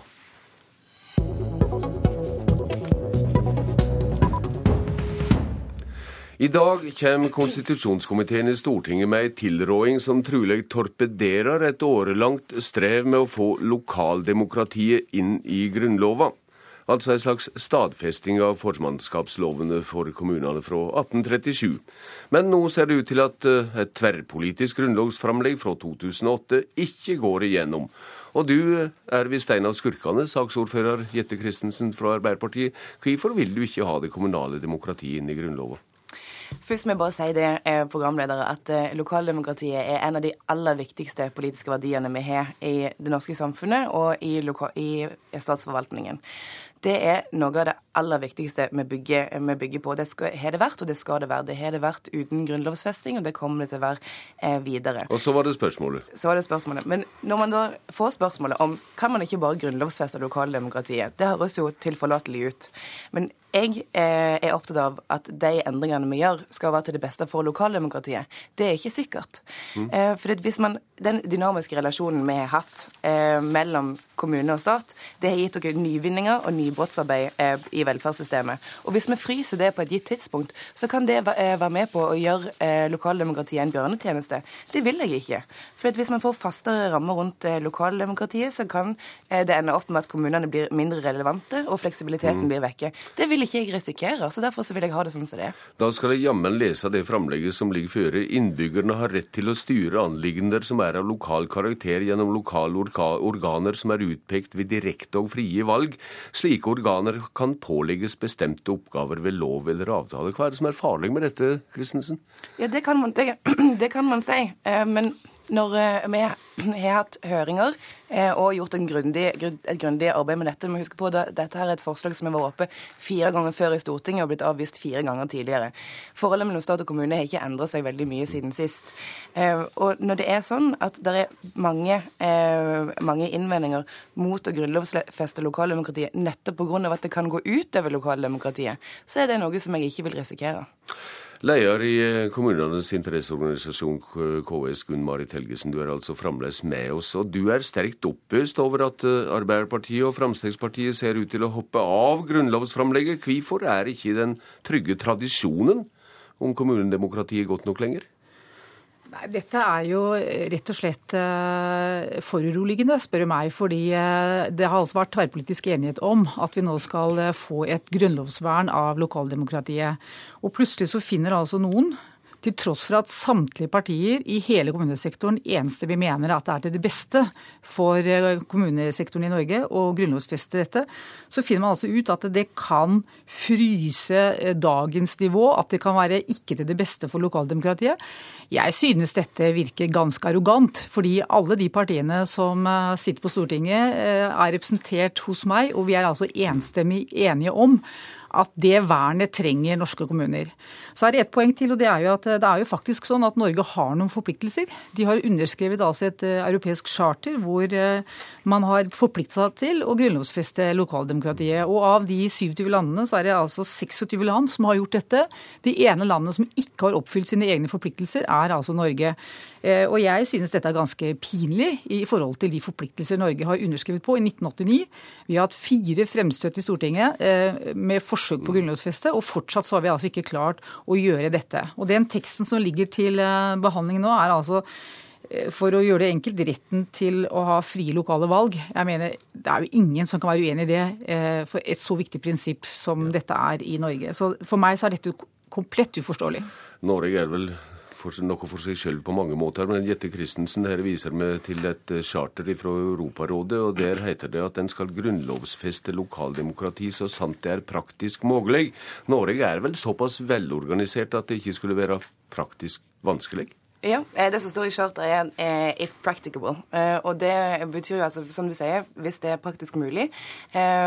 Og, eller hvis det er til det positive. Og nå har jeg jo sagt at det er flere ting som taler mot eh, å grunnlovfeste eh, lokaldemokratiet. På grunn av at eh, De positive tingene er at ja, da kan man eh, vedta et prinsipp, men hvis de re realpolitiske effektene av det ender opp med å være negativt for lokaldemokratiet, så kan jo ikke det være if practicable. Mm. Eh, også hvis man da ser på de landene i Europa som har grunnlovsfestet lokaldemokratiet, Frankrike f.eks., der står jo ikke kommunene sterkt. Der er jo lokaldemokratiet ganske svakt. Mm. Hvis du ser på Finland, så sier de at det, eh, det å grunnlovfeste lokaldemokratiet oppleves som et slags minste felles multiplum. Eh, det er ikke noe jeg ønsker. Vi er nødt for å bruke den, eh, den dynamikken vi har i Norge, for å videreutvikle eh, det systemet vi har her. Det syns jeg er godt. Helgesen, noen i Stortinget er redde for at kommuner kan nytte grunnlovfesting til rettssaker mot staten. Hva er det for skumle ting det tenker på? Nei, vi tenker ikke på noe skummelt. Vi tenker på at det er et vern som er helt nødvendig. Og så har vi sagt at i saker av lokal karakter bør storting og nasjonale myndigheter holde seg mest mulig unna. Eh, og da trenger man kanskje å ha en tvisteløsning eller en domstol som kan på en måte påse at lokaldemokratiet har de vilkårene som faktisk eh, nasjonalforsamlingen har sagt vi skal ha. Men jeg har lyst til å spørre Jette Christensen om eh, hvorfor tror man plutselig at en, en så å si, enkel liten ting som å grunnlovfeste retten til frie lokale valg skal endre dynamikken i norsk politikk? Det er jo helt absurd å tenke seg at det skal ha noen realpolitiske effekter mm. som skal være så negative.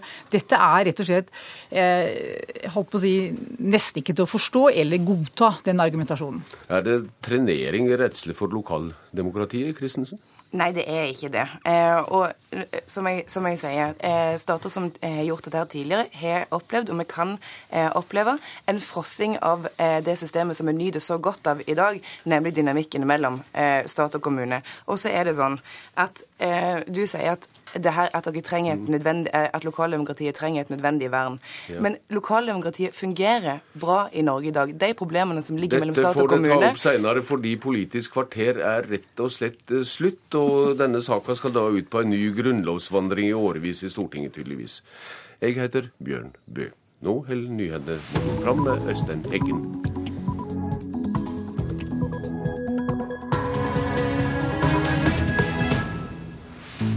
Ja, og klokka den er blitt åtte. Vi har disse hovedsakene. Bøndene prøver å skremme folk til å hamstre brød før 17. mai, ifølge hovedorganisasjonen Virke. Dermed så er det nok først og fremst eh, i tilløp til hysteri hos forbrukerne de ønsker å skape. Jordens, jordens tilstand er urovekkende, sier WWF i sin siste rapport. Tapet av naturmangfold er størst i de fattige landene. Og Forbrukerombudet advarer mot eh, skjult reklame på blogger. Deres strategi er tydeligvis å og så til første sak. Eh, bøndene prøver å skremme folk til å hamstre brød før 17. mai, ifølge hovedorganisasjonen Virke. Norges Bondelag blokkerer i dag eh, fire matmelanlegg og planlegger å kjøpe opp brød i protest mot regjeringens landbrukspolitikk. Direktør Thomas Angel i Virke Handel har lite til overs for det han mener er skremselspropaganda fra bøndene. Deres strategi er tydeligvis å skremme forbrukerne til å at de skal hamstre brødvarer. Det er det det dreier seg om. Dermed så er det nok først og fremst eh, den skal vi si, tilløp til hysteri hos forbrukerne de ønsker å skape, altså usikkerhet om forsyninger, og vil skape en hamstringssituasjon. Sa Thomas Angel, som representerer eh, dagligvarebransjen med unntak av Coop. Staten var villig til å strekke seg til en vekst i inntekt for bønder på 17 000 kroner. Det har NRK fått bekreftet fra regjeringen. Da bøndene forsto dette, var statens øverste grense, brøt i forhandlingene. Bøndene må ha kraftig inntektsløft for å tette gapet til andre yrkesgrupper, sier leder i Bondelaget, Nils T. Bjørke. Det er det vi har fått de siste året. Det har ført til at areal går ut av drift. Mange bønder slutter. Bøndene må gå ut og ta annet arbeid for å klare seg. Altså får de mindre tid til å produsere mat. Det ville fått nedgang i matproduksjonen og ikke øke, som regjeringa har bedt oss om. Og Da kan ikke vi akseptere en måned etter landbruksmeldingen er lagt fram. Det koster over dobbelt så mye å rydde opp og sikre regjeringskvartalet etter terrorangrepet enn regjeringen først antok.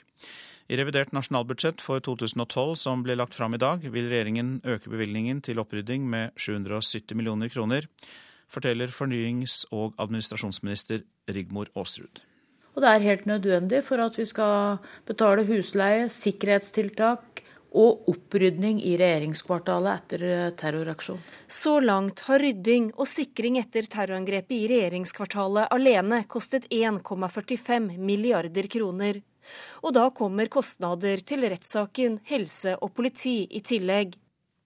Reporter Ellen Omland var det som sa det.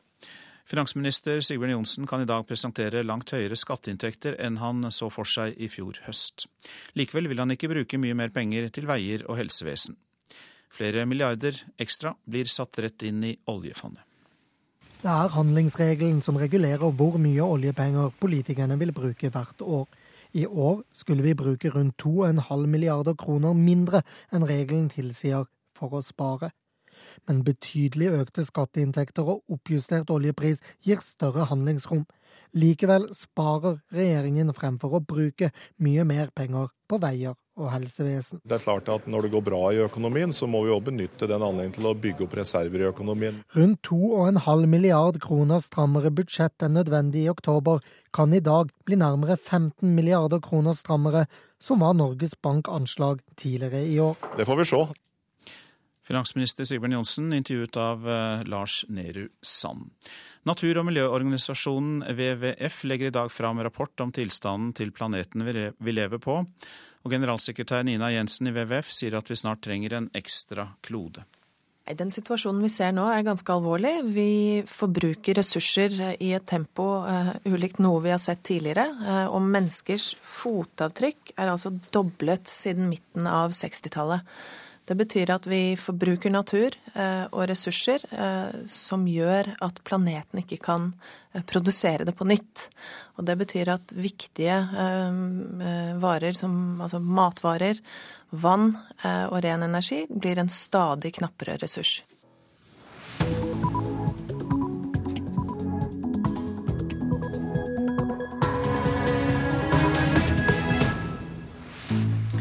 Nå klokka halv ni har vi disse hovedsakene i Nyhetsmorgen.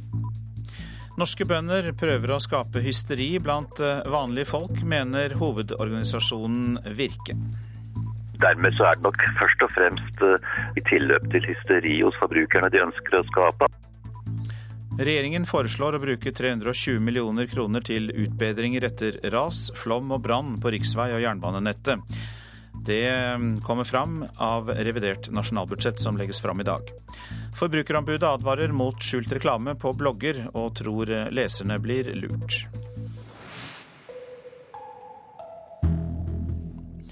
Over hele landet vil bøndene tømme butikkene for brød i protest mot statens tilbud i jordbruksoppgjøret. I første omgang blokkerer de fire møller. Og reporter Henriette Louise Krognes, du er ved mølla i Buvika i Sør-Trøndelag, og hva skjer der? Du, Her er det rett og slett idyllisk, hvis vi kan si det sånn.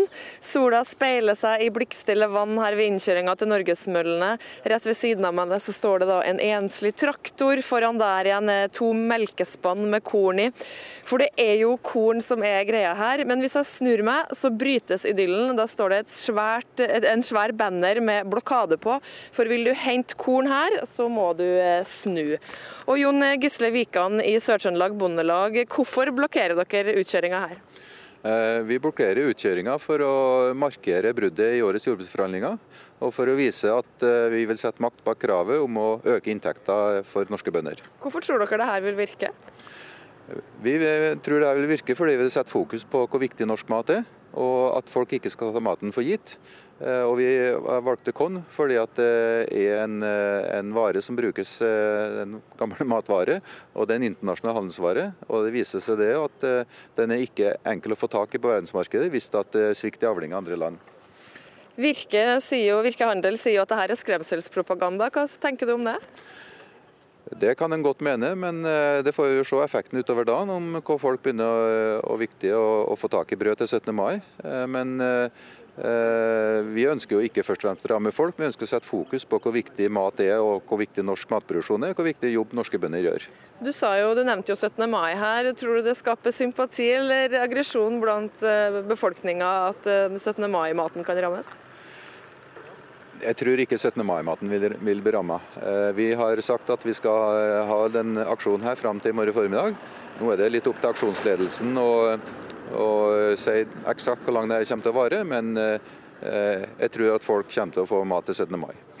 13 000 sa dere, eh, ville dere ikke forhandle om. I realiteten er det 17 000-18 000, sies det. Hvor høyt må dere for å bli enige? Eh, norske bønder tjener under 200 000 i året. Eh, vanlige folk, andre folk har gått over 400 000. Vi ligger langt under andre folk i, inntekt. og Den lave inntekta gjør at uh, vi får dårligere rekruttering, vi får dårligere produksjon. Uh, og Produksjonen går faktisk ned på en del områder. Kornarealet bl.a. har vært redusert med flere hundre tusen dekar de siste, siste ti åra. Hva skal til for at du sier ja, da? Eh, vi må ha eh, like mye inntektsutvikling som andre, pluss en betydelig påslag for å redusere inntektsforskjellen med, med, andre grupper. Og det, det, høres jo veldig mye ut når det snakkes om milliarder, men det er altså overføringer fra statsbudsjettet til landbruket har jo gått ned og ned de siste åra. Så det er jo en veldig liten del av, av budsjettet nå som brukes til, til, til landbruket. Så får vi se hvordan det går, hvor lenge de blir stående her. Foreløpig frem til i morgen formiddag, men det kan vel bli lenger. Takk skal du ha, Henriette Louise Krognes, som altså hadde med seg Jon Gisle Wikan fra Bondelaget. Og eh, informasjonsansvarlig Ole Nergård i Bakers. Dere er den største bakerkjeden i landet med om lag 30 av eh, markedet. Er det grunn til å frykte brødkrise? Nei, med de, de desilekapasiteten som vi har i dag, så regner vi med å være i det store og det hele leveringsdyktig eh, til leveranser for i morgen. Det er en forutsetning at vi får en normal ordreinngang, eh, som det vil være da til en dag før 17. Eh, mai. Men unormal ordreinngang fordi folk begynner å hamstre, hva kan da det føre til? Det kan da føre til at vi ikke vil være i stand til å levere 100% i henhold til ordre. Men slik som vi nå vurderer det, så vil vi stort sett ha dette under kontroll. Vi hørte jo Jon Gisle Wikan fra Nord-Trøndelag Bondelag nettopp sa at uh, aksjonen avsluttes i morgen. Hva tror du følgende da blir hvis den avsluttes når de sier? Mm, hvis den avsluttes i morgen, så vil i hvert fall uh, våre bakerier som jeg sier, i det store og det hele være leveringsdyktige til den 16. Og vi vil uh, kunne da også levere på nytt igjen når butikkene åpner igjen den 18. mai. slik at i det store og det hele så vil dette få marginale konsekvenser. Takk skal du ha, informasjonsansvarlig Ole Nergård i Bakers. Staten var villig til å strekke seg til en vekst i inntektene for bøndene på 17 000 kroner. Det har NRK fått bekreftet fra regjeringen. Da bøndene forsto at dette var statens øverste grense, brøt de forhandlingene. Bøndene må ha kraftig inntektsløft for å tette gapet til andre yrkesgrupper, sier leder i Bondelaget Nils T. Bjørke. Det er akkurat likt som andre grupper. Og så langt etter som norske bønder ligger andre grupper, så gir vi ikke da bøndene muligheter til å øke matproduksjonen sånn som vi er bedt om. Og det kan ikke vi akseptere. Da bøndene lørdag brøt jordbruksforhandlingene, hadde staten tilbudt 13 000 kroner i vekst per årsverk. Nå har NRK fått bekreftet at staten var villig til å strekke seg opp til 17 000 kroner. NRK kjenner også til at bøndene hadde en nedre grense for det endelige oppgjøret på rundt 27 000 kroner altså 10 000 kroner over statens maksgrense. Hadde de gitt oss det som vi bare om, så skulle norske bønder sette i gang, forbedre arealet, slik at vi kunne produsert mer av mat på norske ressurser. Minister og nestleder i Senterpartiet, Ola Borten Moe, har ingen forståelse for at bøndene valgte å bryte forhandlingene. Ja, Det syns jeg er veldig rart, fordi eh, det er bare gjennom forhandlinger man kan finne ut hvilke muligheter det er som ligger på bordet. Sånn har det alltid vært i jordbruksforhandlinger. Professor og bygdeforsker Reidar Almås mener bøndenes forhandlingsbrudd er en konsekvens av de forventningene regjeringen selv har skapt hos bøndene. Og jeg tror at det har skapt store forventninger ved landbruksmeldinga som er nettopp er vedtatt i Stortinget, om opptrapping av landbruksproduksjon. Hvis eh, du skal få til det, så må du ha et eh, vekst i, en vekst i inntekter. Reporter her, Berit Aalborg. I dag skal flere ungdommer som ble beskutt av Anders Behring Breivik vitne i terrorsaken. Nå gjør folk i tinghuset seg klar for en ny dag i retten. Reporter Haldor Asvald, hva skal skje på tinghuset i dag? Ja, her eh, nå så har eh, sikkerhetsvakter gått rundt eh, og passet på allerede en god stund. Journalister forbereder seg nå, har tatt fram datamaskinene sine, og aktørene i saken er nå på vei inn mot rettssalen for å gjøre seg klare. Det har vært svært dramatiske historier som har blitt fortalt inne i rettssalen de siste dagene.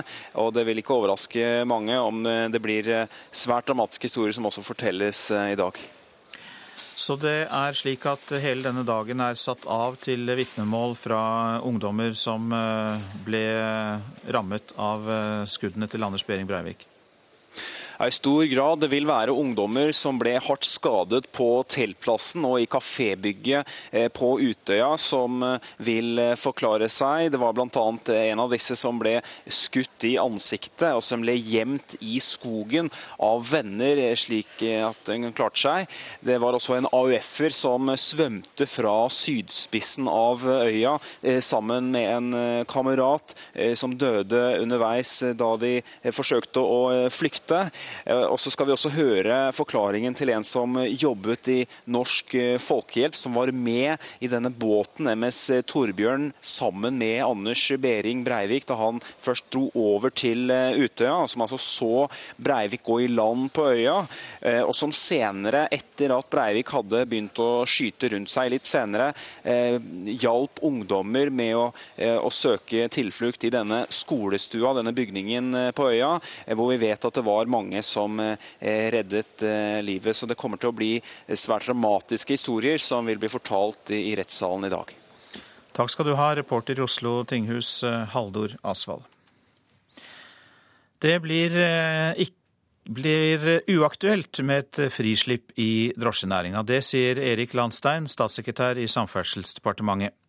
Konkurransetilsynet mener nemlig at det ikke er noen grunn til at det offentlige skal avgjøre hvor mange drosjer det er i byene. Det skriver Bergens Tidende i dag. Tilsynet foreslår at alle som vil, kan kjøre taxi, noe de mener vil føre til flere biler og lavere pris. Jeg kan ikke se at regjeringen vil kunne gå med på dette eh, forslaget fra Konkurransetilsynet, fordi det er en oppskrift på eh, sosial dumping. Men Konkurransetilsynet mener flere drosjer er en oppskrift på lavere pris. Det baserer dem på økonomisk teori og erfaring fra byer i andre land der reguleringene er fjerna. Tilsynet skjønner ikke hva samfunnet får igjen for at fylkesmannen sitter på kontoret og bestemmer hvor mange drosjer det skal være i byen.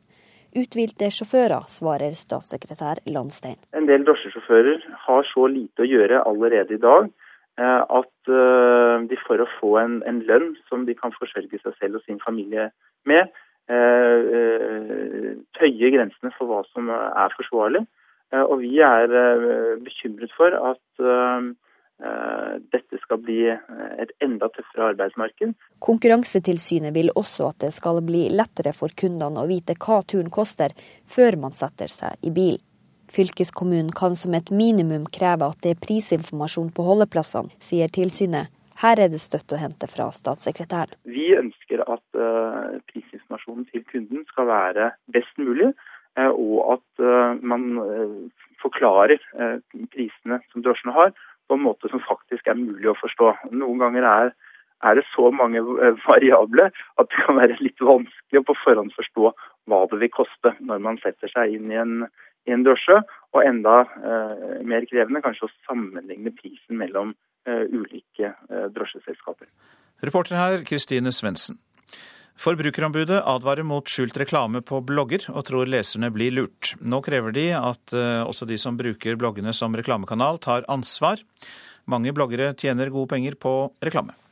Endelig har jeg funnet en maskara som oppfyller alle mine Ja, ok, det er litt sånn Skal vekke oppmerksomheten til ja, Ganske overdrevent. 15 år gamle Dina Birk og bror ser på blogger på internett. Bilder av solbrune, unge pynta jenter, såkalla rosabloggere, pryder sidene. Bloggerne skriver bl.a. om sminke og klede de anbefaler. Men 15-åringene synes det er vanskelig å se hva som er reklame. Forbrukerombud Gry Nergård vil ha slutt på skjult reklame på blogger. Mange bloggere har flere tusen lesere hver dag, og er en ettertrakta reklamekanal for mange nettbutikker. Når man ser på en blogg, så ser det ut som den som har skrevet bloggen, bare gir uttrykk for sine egne meninger. Men veldig ofte så viser det seg at den har fått betalt for å skrive fordelaktig om et produkt. Nå krever Forbrukerombudet at de som bruker bloggene som reklamekanal, tar mer ansvar. Daglig leder i nettbutikken makestyle.no, Janne Borlaug, sier at de er opptatt av at bloggerne de bruker, ikke har skjult reklame. Nå har vi òg laget kontrakter der de skriver under på eh, at de eh, plikter seg å følge loven. Reporter Eirin Årdal. Rafik Sharanya, du er eh, kommet til oss, gründer og medeier av blogg.no, Norges tiende største nettsted ifølge TNS Gallup. Da er du rett mann til å svare hva du syns om utspillet fra Forbrukerombudet. Jeg syns det er godt at de eh, fortsetter arbeidet som de startet for et par år siden med å opplyse og informere både bloggere, leserne og de kommersielle aktørene på hva som er riktig opptreden i denne nye reklamekanalen som er sosiale medier, som er veldig effektiv. Hvor lett blir det å få bloggerne med på å stramme inn reglene? De begynte jo med å bruke skattemyndighetene til å gå på både oss og eh, bloggerne for å se om det var inntekter som ikke var rapportert inn. Eh, vi var selv hos Forbrukerområdet for Forbrukerombudet for et par år siden og ønsket å ta initiativ eh, til å se hva man kan gjøre. Og jeg ser at de distribuerer et informasjonsark nå som er veldig godt utarbeida. Eh, så det viktige er å få bloggerne til å lese dette her, forstå det og, fortsette opplysningsarbeidet. Jeg tror ikke det er gjort i en håndvending. Dette er et kontinuerlig, kontinuerlig arbeid fra dems side. Er du enig med Forbrukerrådet i begrunnelsen også for at dette skal inn i ordnede og etiske former? Ja, altså det er veldig mange barn som leser uh, disse bloggene, og det sier også Forbrukerombudet. Uh, men jeg syns uh, man også skal være flinke til å opplyse om hvordan tradisjonelle medier har skjult reklame, også i nettavisen om dagen, der man ser sånne digitale bilag.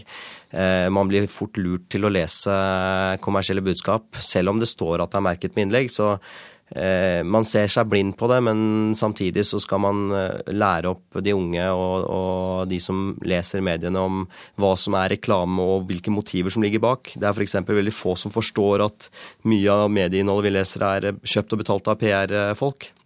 Det er jo noe vi lærer oss. Så dermed så eh, vil du ha fokus også på flere medier, i det hele tatt på andre medier enn bare bloggere, at det også kan ligge skjult reklame der? Ja. Hvor lett eh, nei, eh, Nå er det jo også slik at eh, bloggerne får betaling for, fra mm, ja, annonsører.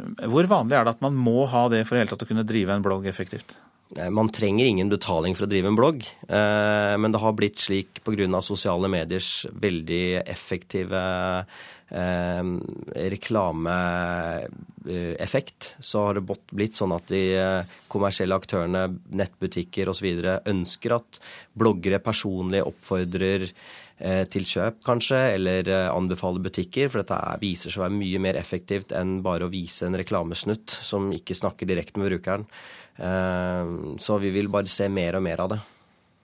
Og du skal holde foredrag om dette også i dag, Rafik Sharanya?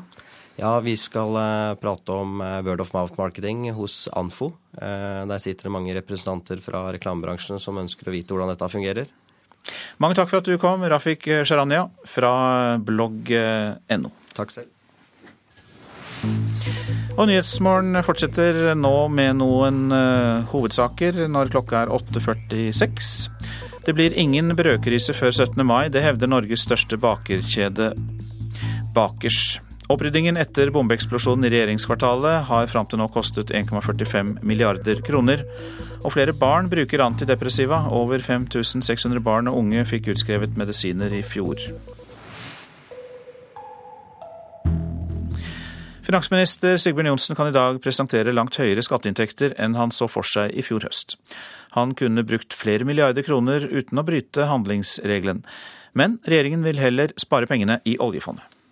Jeg hadde brukt den på vei, og jeg hadde brukt den på jernbane. Jeg tror jeg ville brukt de. Noen vil bruke, andre spare alle de ekstra milliarder kronene i økte skatteinntekter. Nei, Jeg tror jeg ville spart det. Jeg er den typen. En sånn type er definitivt finansminister Sigbjørn Johnsen også. Det er handlingsregelen som regulerer hvor mye oljepenger politikerne vil bruke hvert år. I år skulle vi bruke rundt 2,5 milliarder kroner mindre enn regelen tilsier for å spare. Men betydelig økte skatteinntekter og oppjustert oljepris gir større handlingsrom. Likevel sparer regjeringen fremfor å bruke mye mer penger på veier og helsevesen. Det er klart at Når det går bra i økonomien, så må vi også benytte den anledningen til å bygge opp reserver i økonomien. Rundt 2,5 milliard kroner strammere budsjett enn nødvendig i oktober kan i dag bli nærmere 15 milliarder kroner strammere, som var Norges Bank anslag tidligere i år. Det får vi se. I Europa kuttes det i budsjettene fordi pengene ikke strekker til. I Norge tjener vi så mye at vi må spare. Sånn har vi det her. Sa reporter Lars Nehru Sand. Regjeringen vil komme med ekstra tiltak for å stimulere treforedlingsindustrien. Det sier finansminister Sigbjørn Johnsen. I dag legges altså revidert nasjonalbudsjett fram. Hovedtendensen der er mindre bruk av oljepenger enn regnet med, men noen må få mer, sier Johnsen. Det viktige nå er at vi eh, passer på pengebruken, fordi at eh, norsk konkurranseutsatt næringsliv er i en vanskelig situasjon. og hvis vi bruker for mye, så vil det kunne bidra til at vi legger press på renter og kronekurs, og da blir det verre for norske bedrifter å konkurrere. Så det er hovedgrunnen til at vi nå sparer det som er mulig å spare, for å si det på den måten. Industribedrifter blir lagd ned. Treforedling til dømes? Ja, treforedling er eh, en av de bransjene som har spesielle utfordringer. Og vi vil òg gjennom budsjettet prøve å ivareta en del av de viktige hensyn som tre, treforedlingsindustrien har, og, skal, og den rollen de skal spille i, i tida framover. Fra en samtale mellom finansminister Sigbjørn Johnsen og reporter Bjørn Bø. Og i sammenhengen så legger vi også til at det etter NRK erfarer skal brukes 320 millioner kroner ekstra på utbedring etter ras, flom og brann. Det er da eh, på veier og jernbane det brukes en del penger her. 120 millioner skal gå til Statens vegvesen og 200 til Jernbaneverket. Det koster dobbelt så mye som regjeringen antok å rydde opp og sikre regjeringskvartalet. I dagens reviderte nasjonalbudsjett så øker regjeringen bevilgningene til opprydding med 770 millioner kroner. Så langt har oppryddingen bare etter terrorangrepet i regjeringskvartalet kostet til sammen 1,45 milliarder kroner. Det forteller fornyings- og administrasjonsminister Rigmor Aasrud. Bevilgning til opprydding, nye lokaler, sikkerhet i nye lokaler. Hun ramser opp noe av det de 770 ekstra millioner kronene går til. I dag klokken 11 legger regjeringen fram revidert nasjonalbudsjett. Det er fortsatt etterdønninger etter terrorangrepet. 770 millioner kroner kommer i tillegg til en bevilgning på nesten 650 som vi hadde før jul.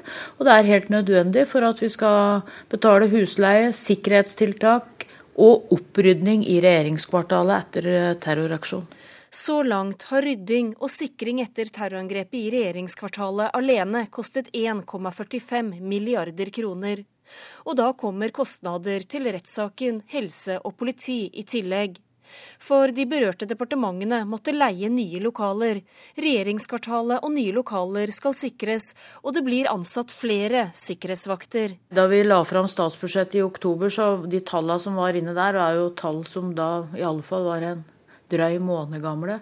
Eh, vi hadde ingen oversikt over hvor omfattende eh, sikringsarbeidet, restaureringsarbeidet var på det tidspunktet. Vi hadde heller ingen oversikt over hvor dyre sikkerhetstiltakene i de midlertidige lokalene som departementene skulle inn i, og husleie der var. Så det var et veldig, veldig, veldig usikkert anslag. Det er planlagt omfattende sikring av de nye departementsbygningene og statsministerens nye kontorer i Forsvarsdepartementet. Regjeringen vil bevilge 335 millioner kroner i revidert nasjonalbudsjett. De anslår at sikringsarbeidet totalt vil koste 400 millioner kroner. Og Det er nødvendig for å ha et sikkerhetsnivå som er akseptabelt i de bygga som eh, brukes til statsråder og andre i statsadministrasjon. Noen hundre meter unna Aasruds kontor i Oslo tinghus er rettssaken mot han som forårsaket alt dette i sin femte uke. Samtidig så tenker jeg at ja, det er veldig mye penger. Eh, og det er veldig store ødeleggelser. Men det kan jo ikke sammenlignes med de menneskene som mister livet og ble skada i terroraksjon. Så for meg er det fortsatt litt sånn at det, der, ja, det er veldig mye penger. Eh, og det er krevende å finne plass til det i, i budsjettene våre, sjølsagt. Men, men, det er jo ikke det som er det største tapet med, med terroraksjon. Det var jo de som ble drept og skadd. Det sa fornyings- og administrasjonsminister Rigmor Aasrud, reporter Ellen Omland.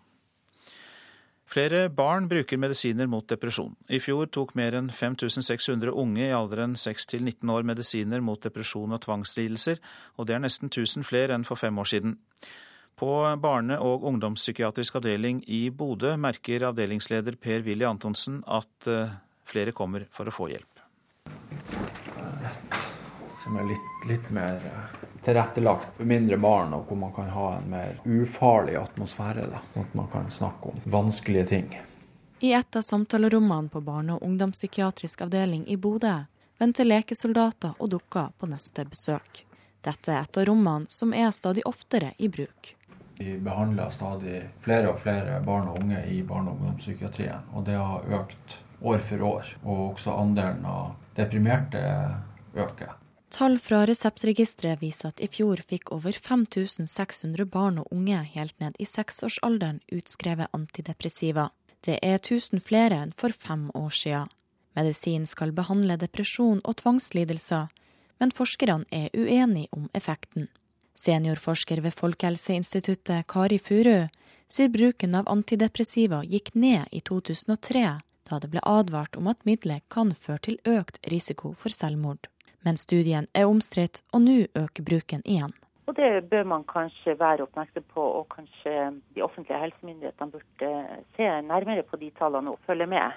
Hva som er grunnen til at flere unge får utskrevet antidepressiva, synes Antonsen det er vanskelig å si noe sikkert om, men eh, det ene er at vi har bygd ut barne- og ungdomspsykiatrien sånn at den er godt tilgjengelig. Og jeg håper òg at det er flere som søker hjelp for psykiske lidelser hos barn og ungdom og at man er flinkere å oppdage det enn tidligere. Og det var Hilde Mangset Lorentzen som hadde laget denne reportasjen. Offentlig ansatte ved patologisk avdeling på Universitetssykehuset i Stavanger har mottatt millionbeløp fra private begravelsesbyråer i distriktet. Pengene er innbetalt på de ansattes lønnskonti, til tross for at helsepersonellet har mottatt full lønn fra sykehuset. Ledelsen ved sykehuset stoppet i går ordningen med umiddelbar virkning etter press fra Helsedepartementet. Det har vært fra tidenes morgen. Det, det er sånn man har godtgjort for den tjenesten som er gjort på sykehuset.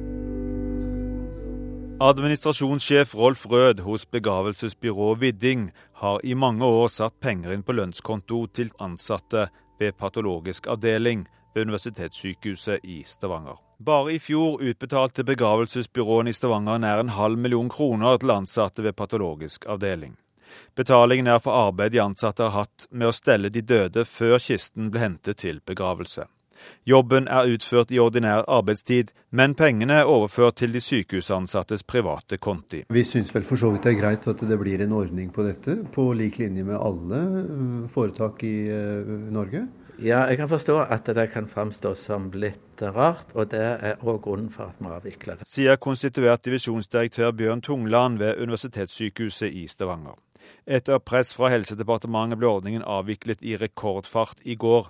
Torsdag i forrige uke var begravelsesbyråene i møte med sykehusledelsen. Allerede fredag ble det besluttet å stanse ordningen umiddelbart. I tillegg til at vi selv ønsker det, så har vi òg fått eh, klare meldinger fra vår eier både Helse Vest og departementet om at det er ønskelig at vi avvikler denne ordningen, og det gjør vi nå. Hvorfor er det ønskelig? Det er for at det ikke skal framstå som noe som ikke eh, er bra. Det kan misforstås at våre ansatte òg er ansatt en annen plass. Reporter Ståle Frafjord. Det er tid for et værvarsel.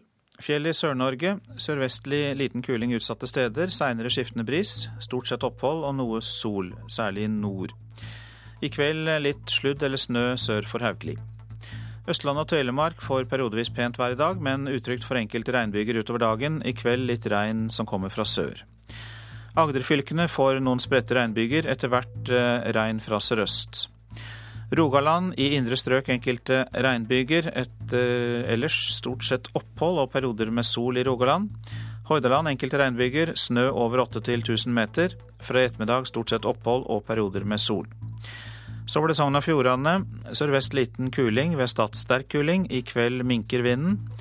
Regnbyger, snøbyger over 800 meter. Fra i ettermiddag enkelte regnbyger og perioder med sol. Møre og Romsdal kan regne med sørvest opp i sterk kuling på kysten i dag, som minker etter hvert. I kveld blir det liten kuling. Enkelte regnbyger, vesentlig ytre strøk og perioder med sol. Trøndelag sørvest opp i sterk kuling på kysten. Fra i ettermiddag liten kuling. Først på dagen enkelte regnbyger i ytre og nordlige strøk. Ellers eh, stort sett opphold i Trøndelag, og perioder med sol kan det også bli. Nordland på kysten stiv kuling, sterk kuling først på dagen. Fra Nord-Helgeland til Vesterålen. Kan hende korte perioder med liten storm i Vest-Lofoten. Perioder med regnbyger i Nordland. Så til Troms, av og til liten kuling i sørvest og lokale regnbyger. Finnmark stort sett opphold og noe sol fra ettermiddag, enkelte regnbyger lengst vest i Finnmark. Nordensjøland på Spitsbergen, minking til østlig liten kuling utsatte steder, fra i ettermiddag frisk bris. Stort sett oppholdsvær. Temperaturer målt klokka sju. Svalbard minus fem. Kirkenes og Vardø seks grader. Alta og Tromsø åtte grader. Bodø og Brønnøysund sju grader. Trondheim, eh, Værnes ti grader. Molde åtte. Bergen-Flesland seks. Stavanger og Kristiansand sju grader. Gardermoen og eh, Lillehammer begge seks grader. Røros hadde fire grader klokka sju i dag, og Oslo-Blindern hadde sju grader. Ansvarlig for eh, nyhetene på morgenkvisten her i radio, Sven Gullvåg. Produsent for Nyhetsmorgen, Ingvild Ryssdal. Teknisk ansvarlig Espen Hansen. Her i studio Øystein Heggen. Og eh, har du tips eller kommentarer, så er e-posten nyhetsmorgen krøllalfa nrk.no. Altså nyhetsmorgen krøllalfa nrk.no.